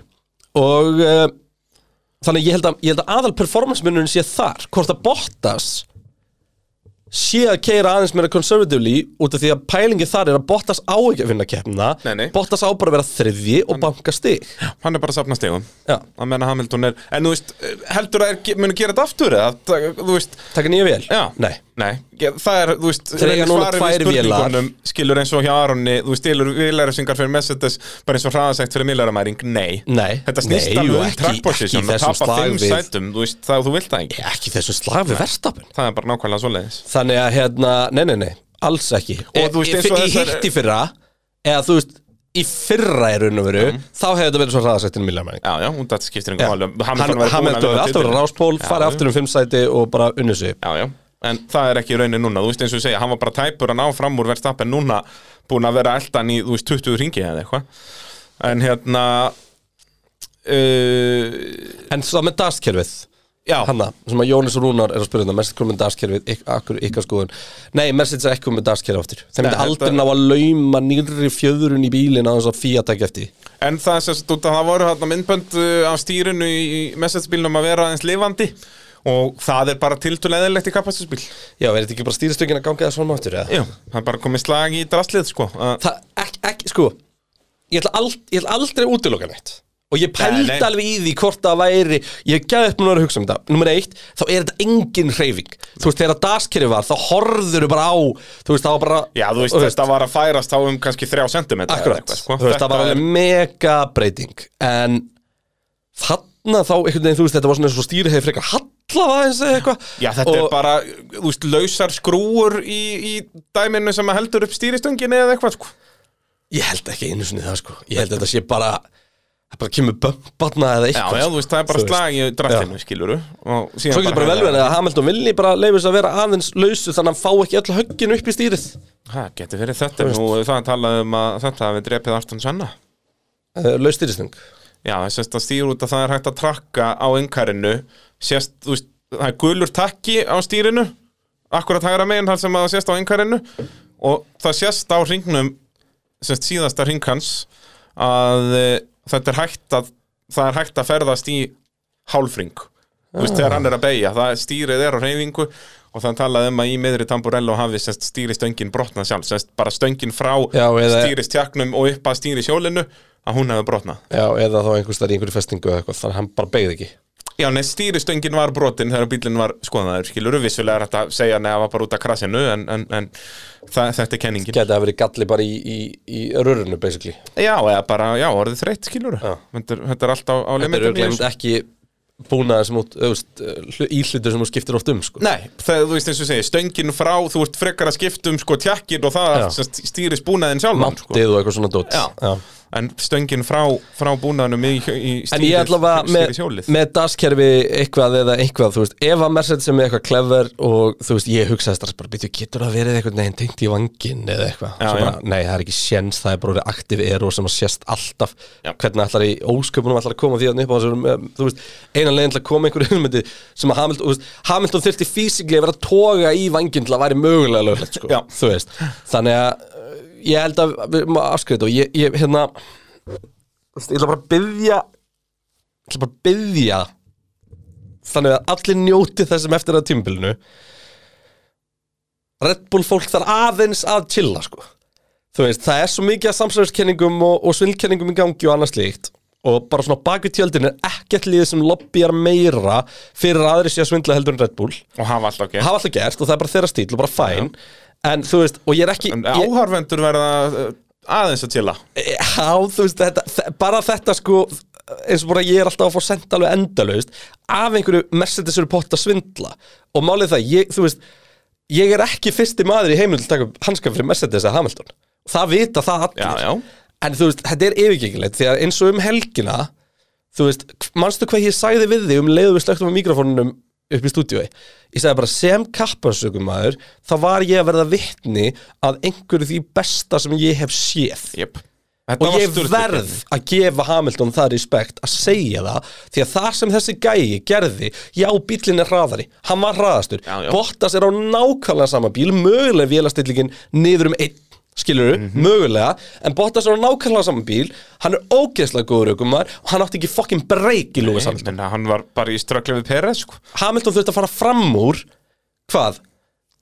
Hvað fer hann fram úr? Mörgum bílum, hann, hann fer fram úr 15 bílum í, í, í hérna, sprettinum og fer svo svo fram úr 10. 9 Ja, bílum í, níu, í, í hérna keppni í keppni Hann er með og bílarnir 25 sem að hann sæta fer refsingu. fram úr eru maklarinnar sem eru frábærar á beinuköflum og talan ekki um í DRS-lestum hann fer fram úr Ferrarium sem eru búin að stíga upp jú, Mercedesin er betri en hann þarf líka að fara fram úr bæði Sergio Pérez og Max Verstappen Mhm. og Max Verstappen sem við komum inn á eftir hendi svo grimmar lokanir á hann að hann fekk svartkvitt flagg fyrir það Jep. skilur við, þú veist, það var ekkert að vinna með Hamilton hann nema jú, setni öryggisbílinn þjappaði hópnum en hann var að koma hvort þið er Já, já algjörlega það, þú veist, það hafði tekið hann kannski fimm ringi hann á að minga bilið sem hann fekk ekki einu sinni, þetta voru þrjár sekundur eitthvað sem hann þurfti að vinna það var Hann- þrjár og því hálfa.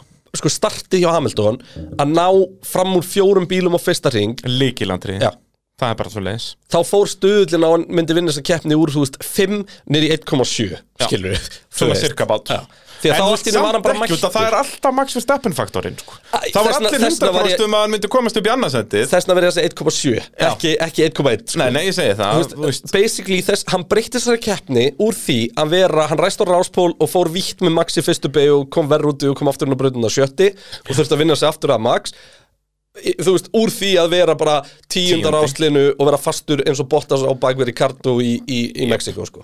og bara eins og við höfum svo oft séð frá Bottas og það var ekki að Monsa í fyrra til dæmis þegar hann er bara Já. öll eftir allan tíman og alls konar svona og ég ætla bara að byggja ykkur um að átta ykk- þú veist, að- að hlustendur og, og áhorundur átt sig á því að við erum að horfa á störluðustu kappastuskeppni sem ég man eftir á mínu lífi og þetta var bara pjúra racing, ég elska þetta svo mikið Nei, ég, ég er ekki að tala um þessa keppni bara núna, ég er bara Já, að tala um bara þetta season tímabilið. bara og njóti þess, ekki missi ykkur svona mikið í að vera að pæla í dítilunum við munum segja ykkur þegar við vitum að einhver er að svindla, sko, Já, já. engar Eng- ágjur engar áhyggjur af því. og hérna, en þarna þú veist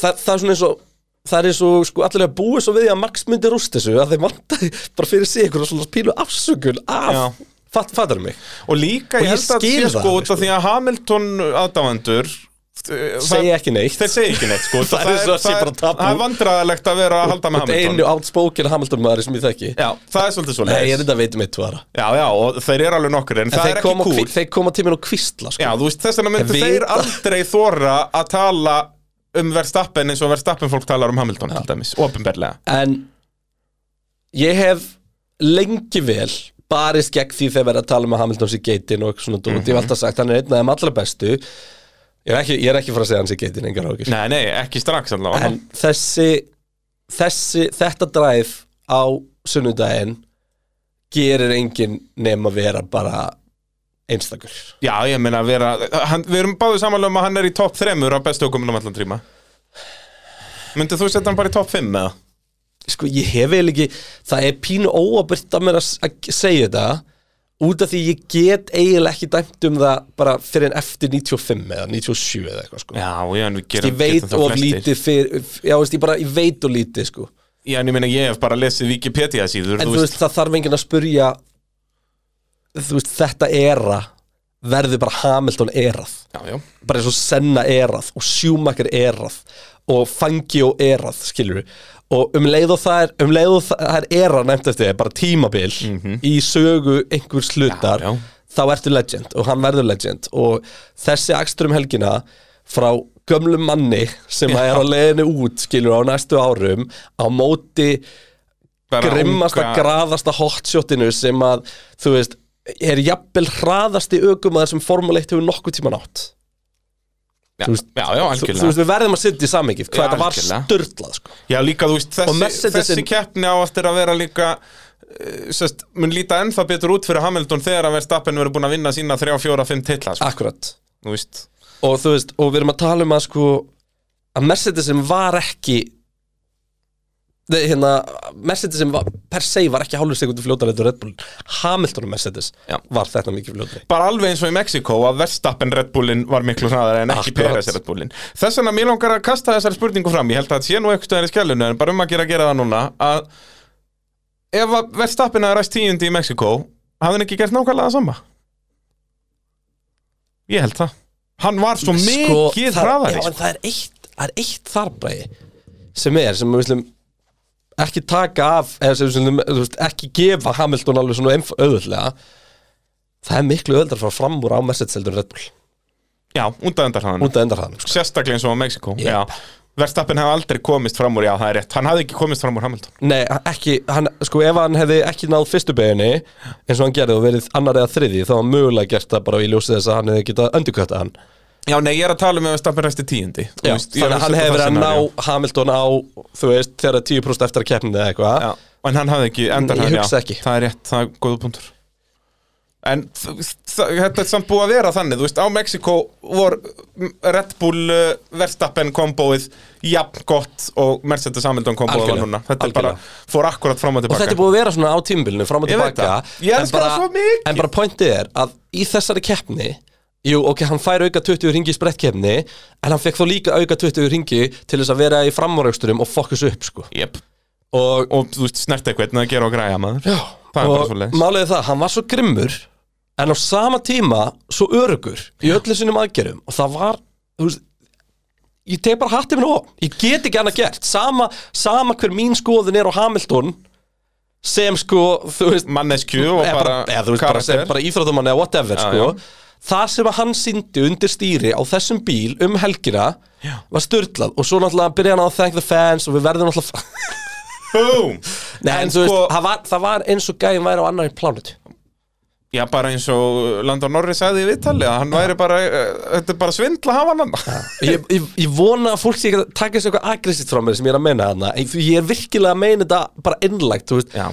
bara njóti þess, þú veist láti aðra hafa ágreð hver er að svindla það er ekki verið að svindla akkur núna og ef það er verið að svindla þá er það það gott svindla fólk er að komast upp með það og, þá þannig er var það heila formúla- ég löglegt og segi það það, er hluti þannig af virkar Formúla formúlunni eitt. og Red Bull hafa gert mest af því og öllum líkum í Já, já, genn bara tíðina allir, þú- öll góð lið hafa gert það, það Ég er bara bara öll svoleiðis. lið hafa gert það Já, já, bara 100% bara þú veist, munun að vera góður í Formule 1 og lélur er að svindla og komast upp með það sko.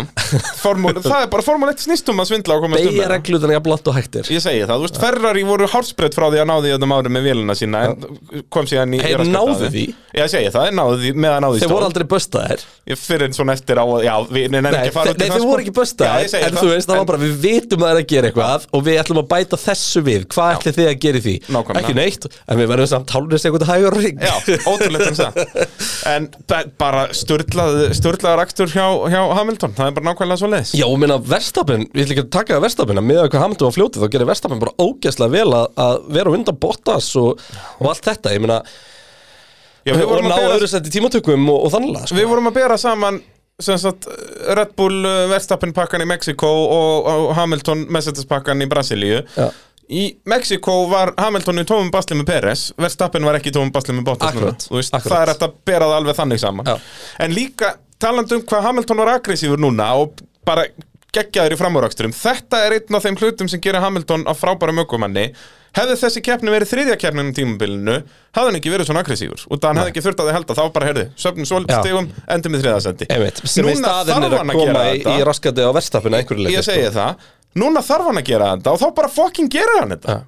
Þetta er störtlað Akkurat bara, En talandi síðan um Bottas Unda, Það var Af ekki hverju mikið að getur meta hann ekki varist Verstapin? Ég Þú veist, bara hvað- átt- Af hverju kerði hann ekki bara á hann, Ég bara í segi það. alvörunni? Þú, hann er að þvinga þig þarna út í Já. þetta Kerðu bara á fucking hollendingin Þú veist, þetta er, og sko, og ekki You have við- one job to do. Þetta þetta er sko, og ég myndi segja nákvæmlega sama með Peres með Hamilton Já Kerð, Men, þú ef veist- Hamilton hefði gert þetta við Peres Peres hefði bara bombað á hann Já. Þetta er ekki flókið Það er val. nefnilega málið og það er það sem að, þú veist Verstappen er dörtingast fokki fyrstu byggjum, Já, sko já, og, Og en þá hann á var ekki verið Bottas að, líka, þú ég veist. segja það En þá var Bottas líka bara að stenda upp honum selv og taka bara ekki fara út Eina af ástæðan bröndinni fyrir svona dörti við Bottas er að hann veit að hann íti bara Ég veit Bottas það, út af. Bottas er bara ekki með neina sál Jú, jú, hann er bara ekki með punkt þegar hann þarf á því að halda á móti Verstappen Jep Það er bara, Martin Bröndul orðaði þetta alltaf best með slægin við Arton Senna og Arton Senna gerði þetta einu sinni við þig og vissi ef þú gafst eftir, það var að með þig í vasan Akkurat og Verstappen er Verstappen er bara með með Bottas Bottas þar. í vasan Já. bara hann er búin að rúst honum bara Bara í hausnum psychologically, bara, það er bara nákvæmlega svo leiðis og Bottas, þú veist, þetta er bara svo mikið grín eins og segja, núna í fyrstu beigju Hann er núna búin að fá tvö tækifæri. bombað á gæjan, þetta er Þú ekki veist, en flókið þarf ekki þess að bomba, verður bara fyrir hún Já, en þú veist, láttu Verstappen bomba á þig réttara Akkurat. sagt, út af því að það er það sem Verstappen var að gera En í staðin enda Bottas búin að missa Peres fram úr sér og Já, já, þú og veist. þetta var Red Bull 1-2 eftir fjóra beigur Já. Litla þvælan, sko Og bara leit út fyrir að verða bara þannig Já, já Og uh, reyðasti maður í formúlinu, okkar maður Egil Eiriksson, hann spyr uh, hversu slappur verður Bottas í uh, Alfa, Uh, gæðin getur ekkert og er með kjaft í reyti og mís í 1-2, fýtt gaur og allt það, en ég meina, come on! Já, þú veist, það er máli, Bottas er ógeðslega frustrerandi ökumæður Já. Það lítur að vera ógeðslega pirrandi að vera Bottas aðdöfandi Því að hann er svo ógeðslega góður að kera kapparsmið Ég veit það, En hann bara, svo, svo bara verður hann bara, slöknar á haustum á hann Já. stundum hann verður bara, æ, æ, æ, maður er að vera leiðilegði með á brautinni. Þú veist, það er líka við tilfinningin, sko Þetta er, þetta, þetta er, eins og ég segir, hann er geggjaður kappasökumæður. Og sko, ég er mestar ágjörn að fólk sé að hlusta á þetta núna Halda að ég sé til mér geðveitt Mercedes bæjast En ég ætla að taka einu svona enn fram Þannig er ég bara að segja, Bottas á að gera þetta Þetta er jobbið hans að vera númer tvö Hann á að vera fucking dick við helstu samkefnina Alveg svo Peres sem að vera með Hamilton. Sjáðu Peris í Tyrklandi Hefði Bottas gefið eftir ef hann hefði verið í Peris stöðu? Já, 100%, 100%. En Peris, hann bara veit, hann er með eitt job og liðið er frekar að fara að vera ánætt með það með tvo refsipunta út því hann gerði eitthvað mist vittlust og tók út Mercedes Já, þú veist, einu, Eina- þess, í, þe- í þessum aðstæðum er svo auðvelt að frekar að láta hinn keira á þig. En það er svona svo, ó- já, akkurat, en það er svona svo ógæslega fyndið að eina skipti sem hefur orðið alveg svona áreikstur sem að actually eitthvað grændi á var Bottas í Tyrkland, nei, Já. í Nógerlandi En það var svona, það var hann að klesa á alla, skilur. það er það var ekki... bara auðvitað. Já, já, þetta er bara...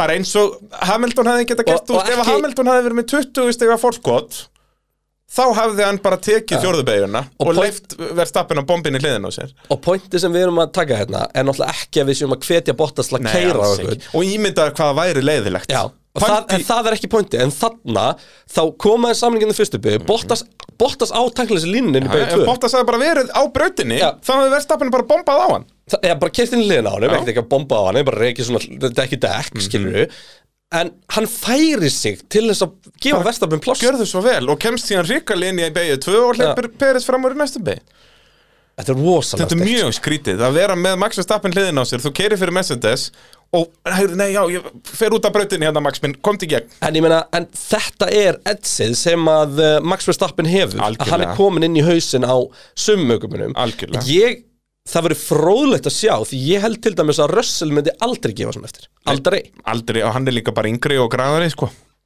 Já. Það er uh, uh, stór partur Og í þessu. racing etikveiti er að breytast sko. Það er náttúrulega, sko, það var reynd og við munum koma inn á það og er, við getum bara gert það núna, þannig séð um, svona alltaf klára þess, þessa umræðu svolítið en, en þú veist, alltaf búið að það er búið að reyna að breyta þessu racing etikveiti einhvern veginn, Mhm. þú veist, let them race og allt það skilur við, en það er eins og það er eins og formulega get ekki ákveðið sig hvert þú vilt Nei, ég fara, veit það, þess vegna erum við að fá þess að inconsistent dóma sem eru að bögga mig mjög mingi þetta byrjar allt hérna með Leclerc Verstappen á í Östuríki 2019. 2019 já, 19, ekki 18, var 19 já, 19 Já. Já.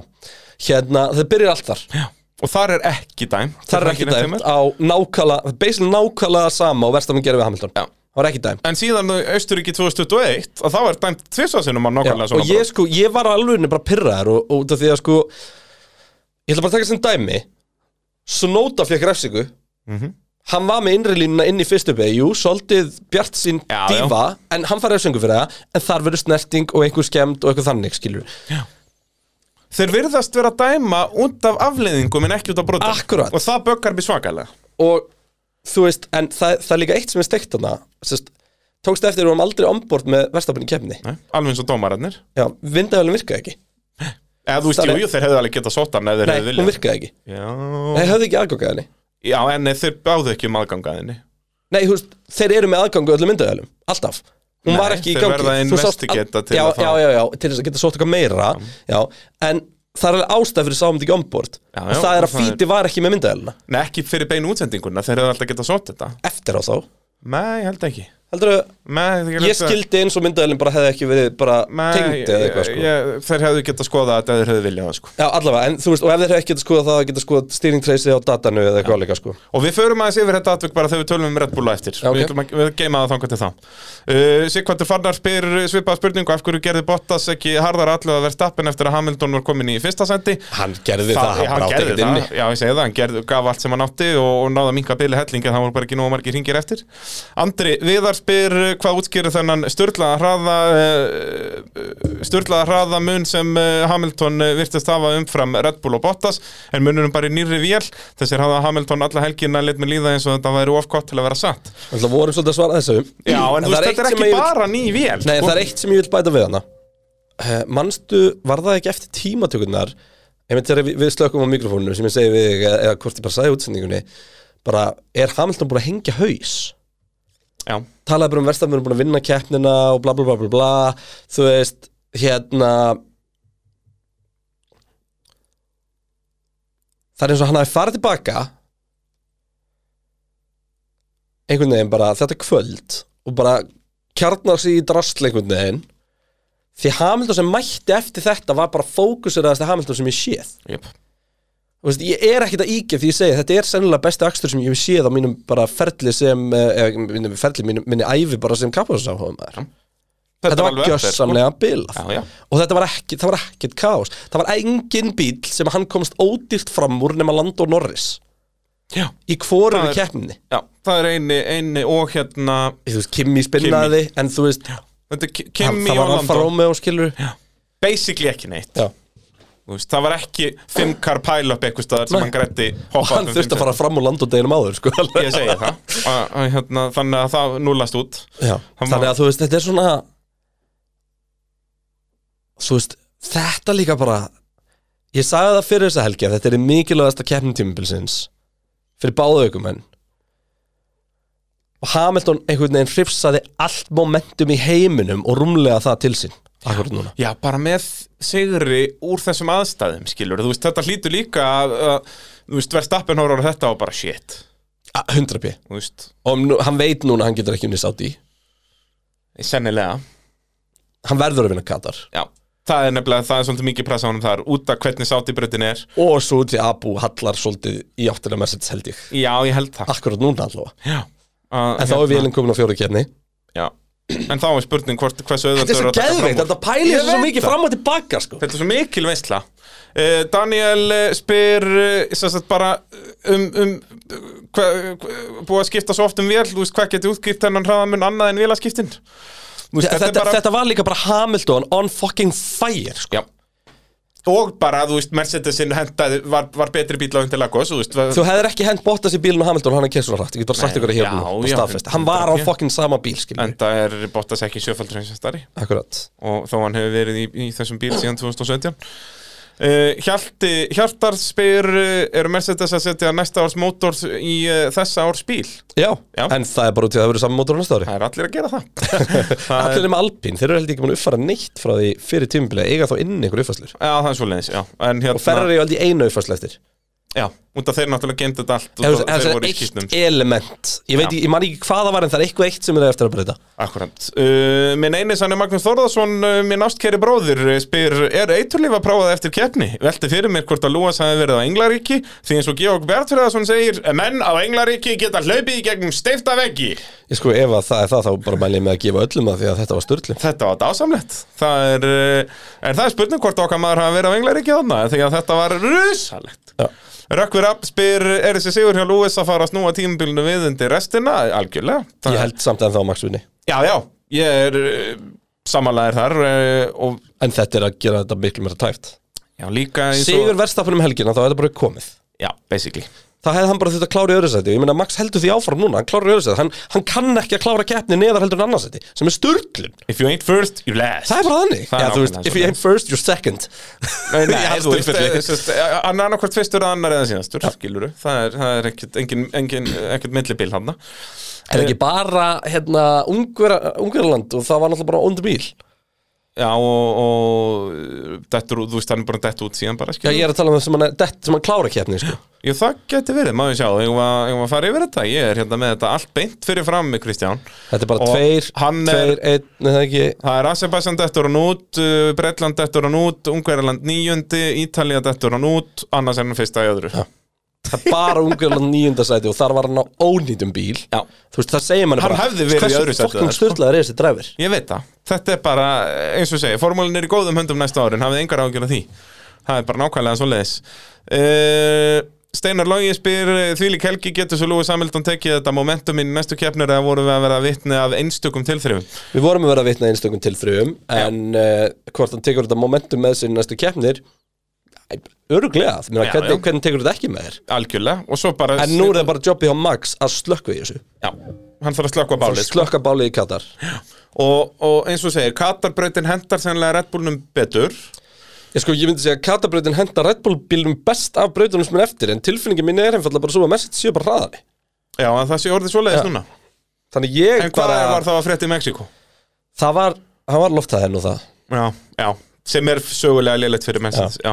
og, svo, veist, og kannski bara blöffar á því að bílinn er í staðin bara low drag svo að það kannski verið með aðeins minni vangi þokkabót að þótt að enda hræna er svona mikil kannski, minna, eins og ég var búin að tala um hérna þú veist, verstapin var hraðari ja, með meiri hraða þegar hann kom yfir ráslínuna þótt hann endaði með minni endarhraða þannig að mögulega bara, þú veist, var messageinn lengi upp á þessa ferð en ég meina bílarnir voru í útslætti eða þú veist, búin að kappa í öruglega 500 metra eða eitthvað skilur bara, já, já, sennilega meir en það Hvað er- Fer hvað er- svolítið hratt út á 350 Það er svolítið, já, vissulega, þetta er bara Svolítið fljótar að fara. sekundu Já. Það er svolítið svoleiðis eh, Hafliði Jónsson, hann er ekkert að flækja spurninguna sína Á Hamilton mögulega að vera heimsvistari? Já. já Hafliði Það er að tveir um, ökumenn mögulega að vera heimsvistari Það er Max Verstappen og Lewis Hamilton Já.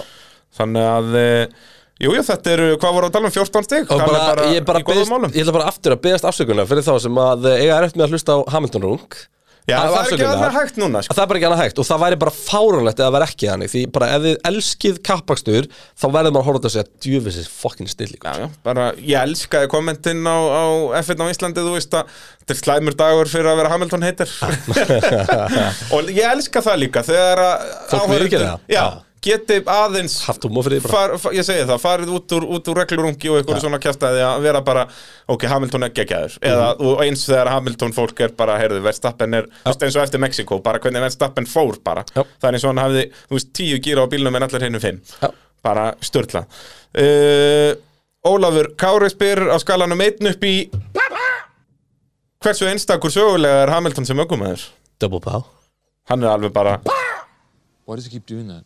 Það er nákvæmlega svo leiðis að hérna, jú sögulega þú veist, hann er af mínum að í, í, þú veist, ég náttúrulega horfi bara á tölur hann er á pari við Michael Schumacher því að þeir eiga sjö titla báðir Já. mun það breytast eh, eftir mánuð við munum komast að því þegar það kemur Já, ég er ekki tilbúin að svara þessar spurningu Nei, við- verður það eitthvað tíman í stóriða það já, þetta er svona fimm ár Já, ég, skal, ég, ég, ég skrifa þetta hjá mér ég held að sé, það er eitthvað við fyrirlans Hamilton sem að segir mér að ég eigi ekki að segja já Já Þú veist, Mercedes dominansið er búið að vera meira en Ferrari dominansið Já En hann er samt búin að gera svo helvíti margt til þess að verðskulda það Mm. þetta er þú veist, og Michael Schumacher meðum við glema En því að hann átti vandamálið- teknilega að vera áttfaldur En hann það bara skemmtilega- fótbrotnar 99 skilur Já, þú veist það skemmtilega við geitar tal er að það er sem ekki er hægt að næsta svara spurning því að það spyr Konrad uh, er Lewis uh, officially orðin geiti núna því. Já. að það er ekki dreitt svar við Nei. þessu það er ekki hægt að bera saman Fanti og, og Hamilton Já, nema þess að tala um þú veist, Tom Brady já, en þú veist, nei, nei, menna það er alveg hægt það eru gæjar í gamla dag í amerísku fótbolta Hver sem er voru geitin í, geggjaðir. vaff- í heimsmyndstakefni rally? Geitin löp, Það er ekkert hægt að segja annað Fyrir Já, utan en- það, hann alltaf fokkar upp með að fara ekki að vinna tíunda Það er svo auðmikið já, já, hann var nýfaldur meistari bara eins og Og hætti bara, hann var ekki það, náði ekki að vinna tíunda nei, nei, Valentino Rossi ný, nýfaldur líka en hann hætti ekki, Hann reyndi hann reyndi Var- Hann, heyrðu, það var, hann síðast keppna hans á sundag Já, Ferli. það var uh, eh, all over the media Keppti með kveðju frá Formule 1 á hjólinu Já, hann er náttúrulega bara mikill motorsport maður almennt, þú veist, hann hefur keppt í keppti rally og, og, og Alltaf rallycrossi að testa og- ferri í Formule 1 Já, og já, svona. og fór að prófa bílinni á Lewis um daginn og bara Bara líf og eins og, fjörst maður, eins og maður gerir eins og maður gerir, fyrst, þú- fyrst þú getur það þá hjólar í það uh, Bjarni Dagur Þórðarsson spyr Powerrank, fimm bestu keppnisverka Lúi Samhaldun á ferlunum, þarna f- þurfti ég að neðast til að gera research Ok. því að Bjarni Dagur var að koma með trikkispurningu Já. og ég sé Ég, ég, nefnilega, ég hoppaði yfir spurningu því ég gerði af fyrir að þetta er bara ég ljósi 100 sigra aukaþáttur í vettur Já, við, þú Þá tökum við top 10 og ræðum eitthvað um Ég keppnar segi það. Ég hendi í fymtasæti Ungverland 2013 sem að er fyrsti sigur hans með Mercedes þarna eru Mercedes lélegir Já. þarna er keppnisfræði Mercedes bílsins mjög lélegur mm Mhm. uh, Lúi samhaldur næra á spól sem svona kom ekkert þannig séð á óvart ég held að hann hafi verið búin að ná einum fyrir það ef ég mann rétt, eða gott ef þetta var hans fyrsti Já, það var ekki out of nowhere sko Nei, en það var löngu vita að hann myndi ekki ná að halda þessu sæti Já. uh, Hann ekkur Þetta er alltaf snilldarlega að geta hann eða, eða eitthvað Já, líka sko þarna er Red Bullin bara á öðru annari plánu Já, átti að vera styrlaður ungarlandi Já.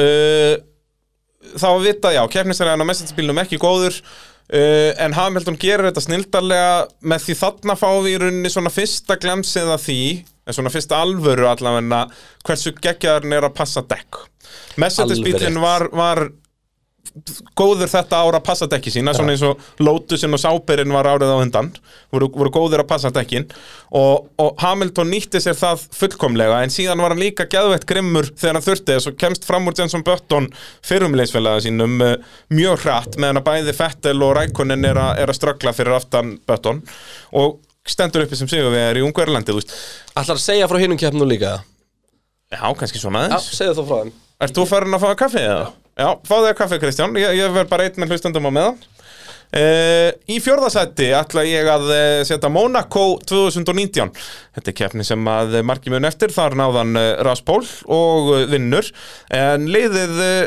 fokkaði vel í honum, þar sem hann þurfti að klára keppnina hann var hann ekki á mjúkum dekkjum allan tíman, mér minni það og, og dekki náttúrulega handónýtt Max Verstappen gerir allu þarna næstíðasta ring og, og klessir henni hliðin á honum en uh, hann nær að að tryggja sér sigurinn og þetta er náttúrulega helgin sem hann ekki láta er, er nýfallin frá, hann hann með rauða hjálminn í Monaco og uh, tilengaði sigurinn um að sjálfsögðu Nikki Láta sem er einn af þeim mönnum sem hann kom honum til Mercedes á sínum tíma og, og það við erum að tala um sko keppnishelgar þá fannst mér Monaco 2019 við end og þá er hann að ná ráspól, mér finnst það mikilvægt þegar við erum að tala um keppnishelgar annað en til dæmis uh, Þískaland 2018 sem við mun tala um á eftir uh, þar sem hann uh, sest, nær ekki, ekki ráspól í, í tímatökum. Í þriðja sæti sitt í Bretland 2008 Þetta var uh, svolítið svona kaoskeppni, hann uh, er bara fjórði í tímatökum, þetta er náttúrulega hann bara hans annað ár í, í formúlinni með uh, McLaren. Uh, gott ef að Heikki Kóva Lænen, linsfélagan sem McLaren var ekki á ráspól. Ótrúlegt en satt, Það er ekki mikið sem að Kóva Lænen gerði rétt á ferlinum en með minnir hann að vera á ráspól á Silvestón hann 2008 á meðan að Hamilton var fjórði. Uh, Hamilton vinnur sér svo strax upp í annarsætið bara á fyrsta ring, uh, kemst svo fram, í, fram hjá linsfélaganum stutt eftir það. Svo er þetta svona rigningakeppna þegar að fara úr þurru yfir í bleitu og svo aftur þotnar og svo aftur blotnar og eitthvað og uh, Hamilton var bara á næra plánetu. Ég held að hann hafi endað á að vinna með mínútu eða eitthvað hann í Bretlandi 2008 og, og fyrir viki setja það í þriðasætið á sem lista Kristján. Ertu komið með kaffi? Nei, ég er að búa til Þú ert að búa til. Sko, ég hérna, ég, ég er náttúrulega Ég sá þegar að byrjaði að vinna listan í morgun Já. Bætti myndin breyðlaskapastum Svo skrítið hann var ekki hana Já. En ég, þú hefur sérst fatt að mér leiði ég senda þeim bara Já, hann var snild Já, þetta er stjórnlega sko. Stórkostlegur. Þegar að, þú veist, massa er í tómi tjónið þarna, þú veist, massa er náttúrulega í hörkuslag hann við Ha? uh, Hamiltonum titilinn, sko. Ég sammála þessu, fram að þessu um, Það Svo- er ein keppni sem ég myndi mögulega segja vandi Sem var hann í Kanada Ah, hvað ára það? Sturlaði kandísku kapastur 2012. Já, var það ekki? Eina keppni sem hann vann á Nei, fyrsta keppni sem hann vann á því tímbili Var ekki Kanda 2012 sem var gjössanlega mögnuð hjá honum Hún kemist kannski á top 10, hún kemist ekki um top 5 Já, Ég, svona, en, en jú, jú, ég er náttúrulega, eitt ekki mjög miklum tími í þetta. Nei, við gerum betur næst Við gerum það betur næst. Uh, Í öðru sæti set ég Þískaland 2018. Þarna sem spilar hjá honum bílinn í tímatökum, hann ræsir 14. Þakkaði fyrir, elskan mín. Kristján að koma með jólakaffi til mín, það er dásamlegt. Uh, en Þískalandi á 2018 uh, frækkeppni, hann ræsir 14. endar uppi sem uh, Sigurvegari sem að er hans uh, sem sagt, uh, stærsti, stærsti munur eða, sem sagt, Sigur sem að hann hefur unnið með því að ræsa aftast á ferlinum, þar að segja hann hefur aldrei ræst aftar en 14. og samt unnið uh, en þetta var náttúrulega kaoskeppni, þarna er uh, byrjað að rigna og Fettel uh, bombar í dekkjavekkin eins og frækt er og uh, svo græðir Hamilton líka á einhverjum öryggisbíl og eitthvað og, og endar á að komast fram úr Bottas og Bottas sem einhver betur dekkjum en má ekki gera árás á hann þannig að Hamilton endar uppi sem sigurvegari En út af þetta er kaoskeppni, þú veist, ég verð að setja Brasilíu 2021 í fyrsta seti út af því að það var ekki kaoskeppni. Þarna er þetta bara ferenskver, hann far 25 seta refsingu og tekur fram úr öllum þessum 25 bílum. Og þurfti ekki einhverja miljón öryggisbíla og fimm bíla pæla upp og að Max Verstappen myndi krassa og ég veit ekki hvað og hvað, hann bara, hann bara gerði þetta. Nú fer, fer ég alveg að vanta Kristján til að, fá, að að ræða þetta við, þetta gengur ekki lengur. Ég er bara að ræða við hlustendur eina og þeir get ekki svarað mér. Ég er sammála Er það ekki? Jú. Er þetta ekki efst á lista? Það hlýtur að vera. Þetta er besti, besti kapastur hans á ferðlunum Já. Og bara það, að þetta sé besti kapastur Lewis Hamilton á ferðlunum segir þér hversu hátt á listanum við þig. Gæni með 101 fucking sigur sko. Já. Af, og við erum bara búin að keppa í réttur um þúsund keppnum, sko. Þannig Algjört líka við búin að klúður hjá vinna honum. eitt þriðja af Formule 1 keppnum, sko. Algjört klúður hjá hann að hafa ekki verið með eitthvað léleri sigur, þú veist, nummer 63 þú veist, bakkað látið þetta, þannig að þetta væri hundraðasti sigurinn sko. Já, það er enda rétt. Það er, vá, já, vá, hvað hann er með allt niður um sig.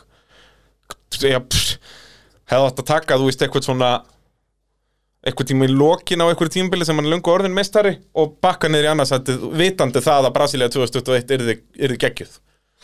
Hann er, já, þetta er eiginlega, þetta er sennilega ekki stærsti feillans á ferlinum að þetta hafi ekki verið hundraðasti sigur. glórulist Já, hann er með allt niður um sig í þessu. Herri, ég kom með kaffi, þannig ég er bara, ég er klár Erum við lögrandi léttir En orðnir? e, þurfum við að tala eitthvað meira um Mercedes eða? Já, neð bara þegar við förum að tala um Red Bull, við, þá ætlum við meira... Þurfum við að tala um eitthvað meira um Mercedes Við erum múin að vera að tala um Mercedes í svona 45 mínútur Eh, Hæll, klökk, við erum búin að vera einn og halvan tíma, Kristján Já, og þú varst búin í þetta einu svo stopp með Já, þess meir, já Þetta er veistla, eins og ég segi, þetta verður Þeir easy sem að hata tveir tímar. Mercedes eru löngu voru að slökka á Já, þessu þætti reyndar, ég hafði búin að spóla vel, þeir eru búin að hlusta á þetta svona sinnum hérna fimm eða þannig, hefur Já. þetta búin að vera Ég prófaði það ekkert, þegar ég var að tjekka okkur þætti okkur, það hljóða verið laga okkur, það var mökk fyndið að hlusta á okkur hannig Það er skrítið, sko Já. uh, Red Bull Racing Honda uh, Max Verstappen uh, fyrstur í tímatökum annar í sprettkeppninni, annar í keppninni leiðir heimsvæstar á móti með 332 stig Sergio Pérez, fjórði í tímatökum fjórði í sprettkeppninni, fjórði í keppninni Og fjórði í heimsvæstar á mótinu með 178 stig Gott ef Quadruple Four Sergio Pérez voru ekki alltaf mismunandi þrýr fyrir framannan í öllum þessum instances uh, Í tímatökum, nei, í tímatökum í tímatökum var það Sainz, Verstappen og uh, Bottas Í sprettunum var það Nei, nei kemst, það, Sainz, Sainz kemst upp fyrir hann í sprettinum Sainz var ekki hraðar enn í tímatökum með það Jú, var Sainz ekki Jú, fjórði í Sainz var- tímatökum? jú. Og hjælt því, Nei, vinnum má ég sjá Sainz, jú, Sainz var þrið, þriði tímatökum nei, hann er 50 í tímatökum Hann, hann vinnur Hver var þriðji? uh, Var hann ekki bara bótt Nei, Gastli var fjórði Var það ekki? Því hann stilti sér upp beint fyrir aftan Verstappen svo og ræsti þriði Já, þetta er þetta eru stóra Nei, spurningar betur, lífsins. hvernig var þetta? Því að, því að var Peris ekki Þú glemdir auðvitað að taka Hamilton út hjá hún Já, geti verið Ég Það var ég sé þannig, með var þetta ekki eftir- bara Hamilton Var ekki jú, Peres þriði? Þetta var Hamilton, jú, Peris ræsti þriði og, eh, og hann hérna hann uh, Gastli ræsti fjórði beint fyrir aftan Verstappen Það var þannig já. Per, Gastli var í sinu venjulega 15 cent í tímatökum sem verður fjórða Þannig að þetta var bara ránt, þetta var bara triple four Þetta var bara, god damn En uh, ég var þreyttur þegar ég gerði þetta Ekki, ekki vera vondur við mig Ég, ég var svo hissað því ég sá þetta, svona ég ljósið þess hvernig varst vakandi Ég ætlaði að fara að byrja að vinna í þessu morgun, þá varst þú bara búin að því Já, já, bara pá Elska brallan Það er, uh, næturbralli er uppáhaldsbrallin Það er bara svo leiðis Þá, þá er hann ekki bralli, þá er hann bralli Já, það er hann svolítið að brallarast á, á nættunni Já, eh, ef að byrja á bara að ræða Sergio Peris Hann var bara ekki með einhvern veginn raðanlega mattsaðan Þú veist, hann alltaf kemst Jú, samt, Peris, sko Já, Þetta ég er get... ósangjönd, Peres átt að vera þriði sko. Peris átt að vera þriði, hann alltaf stárinn úrvíkspildin Bjarga Botta, sko Og Bottas við verðum að var ekkert gefa á leiðinu fram úr honum Já, við verðum líka bara að gefa Peres kredit fyrir það, hann er að hanga innan þessa svona 0,3 í tímatökum Uh, þetta átti að vera, hvað, hann var á velnapalli í Texas hann var á velnapalli í Mexiko Átti að og vera á átti að vera velnapalli velnapalli hérna núna P- Peres er bara núna að gera allt sem hann á að gera Er það ekki rétt með, var Peres ekki á velnapalli í Texas? Mann það ekki, jú er það ekki, það er hann ekki búin að drekka átti átti... þetta ekki að vera þriðji velnapallurinn hans í röð Má ég sjá, ég er líka með þetta fyrir fram mér, ég er svo sniður Hann Jú, hann var var þriðji. þriðji í Tyrklandi, þriðji í Texas, Alveg ekki, í þriðji í Tyrklandi Mexiko og átti að vera þriðji hér Þetta átti að vera fjórða þriðja sem fjórði í þessari röð röð, sko. og, og í rauninni bara fymta, já fyrir það var hann bara einu sinni búin að vera í þriðasendi Já, það er bara málið, þú veist, formið sem hann finnur þarna, í Tyrklandi já, svona cirka bát og eftir Tyrkland Já. er bara Nú er hann bara að gera það sem hann á að basically gera það sem hann átti að mæta og gera frá byrjun tímabil svo þá væri no question um hvað Red Bull vs. Mercedes væri í hinsmjöndstramóndinu Já. Út af fyrir þetta er hann, þú veist, níundi, fymti, áttundi, dettur út, dettur út, sextándi, sjötti, fjórði, þú veist, hemla málið alls ekki nógu En núna er hann að gera bara það sem Red Bull nummer 2 á að gera og, og núna erum við löngu hættir að núna er hann kritisera eins og vorum hárrétt í ákvörðum byrjun. fyrir næst tímabil 100%, alveg, alveg uh, fullkomi og hann er að blokka Hamilton þegar hann lendir hliðan munum Ég er nákvæmlega, annað en hvað Bottas er að gera gegn Vestappen, skilur, Mhm. þannig að hann er í rauninni ef við erum að bera Bottas og Peres saman er Peres núna á undan, finnst mér, sko Já. sem, sem nummer tvö komaður uh, áhugavert hvernig Peres ætla að verjast gegn Hamilton að láta bara Verstappen hægja á sér og Ég- Nei, fá þú DRS. veist, það meikaði samt alveg sens já, vitandi að hámasræðan væri svo mikill það var eitt annan lið sem gerði þetta og reyndi það það var Alpín á móti Gastli Já. en það virkaði ekki það virkaði ekki, en það er líka hættulega skilur út af því að Verstappen græðir þarna en þar 2 vita til 3 Alpín sekundur á, á slagnum við þeim út af því að Peres næra svara á það það þurft tapa hellingstíma en þar, þar veit Alpín að Alfa Taurin er hraðari já. og þeir vissu Alveg- alveg eins að og ef hann Red myndi Bull fá það vita bara one on one Mercedes. Já, já. þá ætti hann ekki breyk en ef þeir myndi gera þetta saman þá var það kannski sén sko. Já. en Red Bull vissu líka message verið hraðir en veit þetta samt ekki ég held að það bara ekki En- átt sér á hversu mikið hraðari Nei, nei, en þetta, á endanum var þetta hárrétt ákvörðun því að eins og ég segja, Hamilton tapar hérna 2-3 sekundum við að komast fram úr Peres og fyrir vikið er bilað hérna 3,8 þegar hann loksist komin fram úr og, og hann næri ekki að vinna það niður af neinu viti, verðstappin næri að halda honum í 3,8 þetta hefði verið allt annað ef að bilað hefði verið ein sekunda eða rétt rúm ein eins og hann var eftir þjónustufliðin Já. og þá fór Hamilton að gera árás talandi um, um þetta hérna uh, það segir allt sem segir þar um þessa keppni en við erum ekki eins og búin að minnast á að þeir tóku fóru 13 ringi hörðdekk Já, guð minn almatur Hvað, jú, ég held að það komi nú hérna á eftir einhvern ég, tímann ég veit spurning. ekkert af hverju ennþá sko. ég, þetta, er bara, þetta er bara Þetta er bara Max Max ætlar að triggeraði þetta. öndikönda Já, já, þú veist, þetta er bara Max sem triggeraði þetta skiluru Það er, það er nákvæmlega svoleiðis uh, Já, áhugavert með Max Verstappen náttúrulega þegar, hann- þegar Hamilton byrjar að gera alvöru árás á hann Var þetta ekki óþarfa varnarakstur á hann múni fyrstu beig? Jú, manstu líka, ég kallaði þetta bara um leiðu svo hann gerir þetta, Já. bara hann Í er í bæði vandræðum skiptin. hann er í vandræðum í fjöröpi, Já þú veist En þetta skilur út af því að Hamilton er tekur ytterlínuna en svona sýnir sig aðeins er samt landa á eftir og Verstappen fellur fyrir því skrítið fyrir Verstappen ég veit ekki hvort hann er beint að falla fyrir í, þetta er bara meira bara, covera svona sem þetta þú bara. gerir sko. Já. En ég meina- bara, þú veist. Og síðan gerði hann þetta aftur skilur vitandi að hann var næstuði búin að tapa sættinu í fyrraskiptið Og Hamilton er samt beisli að segja með að fara til vinstri hann er að segja, já kallar mig, nú þarf þú að loka annars ætla ég að renna mér þarna sko. Já. en, þannig að þú heldur, veist, en mér fannst Hamilton ekki nógu nála til að geta það kannski ekki akkurat þeim ring sko. en Max fattar þetta það seint, hann er ekki undibúin í vörnina þannig að hann fer aðeins og hratt inn í fyrstu byggu Sérstaklega náttúrulega þegar Hamilton kemst loksins fram úr að Já. þá er hann allt og setna að gera Já. þetta sko En eins og ég segi, mér finnst þetta svona ekki líkt Max Verstappen að- að eh, kannski með að vera svona reaktífur, nei Já, að að- kannski En- ósæðan geta að segja að falla fyrir þessu en þú veist hvað ég meina En Max Verstappen er náttúrulega bara svona eins og eitthvað randýr sko. Ef þú veifar einhverju framanna þá er hann að fara að býta það sko. Já, já. Þannig að kannski er þetta veikli Við hefum tölum um það í byrjun tímubils að hann er of sem sagt, uh, Aggressífur. get- Já, of aggressífur sko Eða sem sagt, ekki að hann sé of aggressífur ökumaður per se Nei. Heldur bara þetta að hann Hvert tækifæri virðist vera hann síðasta hann hugsaður um það þannig Þú sko. veist, eh, og Það er ekki, er ekki einsvæmt að segja hans í óskinsamur sko. Þú veist, Nei. If you no longer go for a gap that exists You're Bara no longer bang, a bara racing boom. driver og allt þetta Ég sko. þurfti að setja það inn í takkabrettið mitt En þú veist, en þetta er meira svona Æ, Ég veit það ekki, þetta er meira bara svona Hann er ekki, já, Hann er búin að skána með þetta sko. Já, algjörlega, við tölum um það fyrir nokkur um pittum síðan að- að byrjun þessa tímabils var bara eins og að vera á fyrsta sísunni sko. Já, þú veist, hann átti allan tíman að vinna í Bahrein Þetta bara, þetta var algjörlega hans feill með að, að þetta var allt eða ekki hann dýrni hefði vegið, getið hann á bara næsta DRS Já, kanna já, bara leikandi sko En, en þá er mitt gera hann þessi mistök og, og hérna En a, ég- hann er búin að skána helling með þetta já. Eiginlega bara mjög mikið uh, Sævar Helgi spyr hér um margt og mikið Eh, Má segja að þessi skandlata dómararnar hafi hvorki skoðað onboard eða telemetri frá Max áður en tóku ákvörðun um að gera ekki neitt Eru búum til ímyndaðan veruleika þar sem Hamilton tekur eðlega línu í fjórðubegi og fær Max í hliðina Hefði Max þá átt í hættu og það hefði verið dæmt þannig að hann sé að klessa viljandi á anstæðingin og þá fengi þunga refsingu og samkvæmt þessu fordæmi sem var gefið í þessari keppni er hægt að fá refsingu fyrir að neyða anstæðing út af brautinni þegar það er ekki snerting ef það er malbygg fyrir utan brautina Þannig erum við bara strax konur að tala um þetta- uh, The Elephant in the Room já. þetta nefnilega þetta atvik bögga mig og þetta, það er ekki það að mér þykir Max í svo brjáluðum óréttið hann það er, það er nefnilega ekki málið heldur bara basically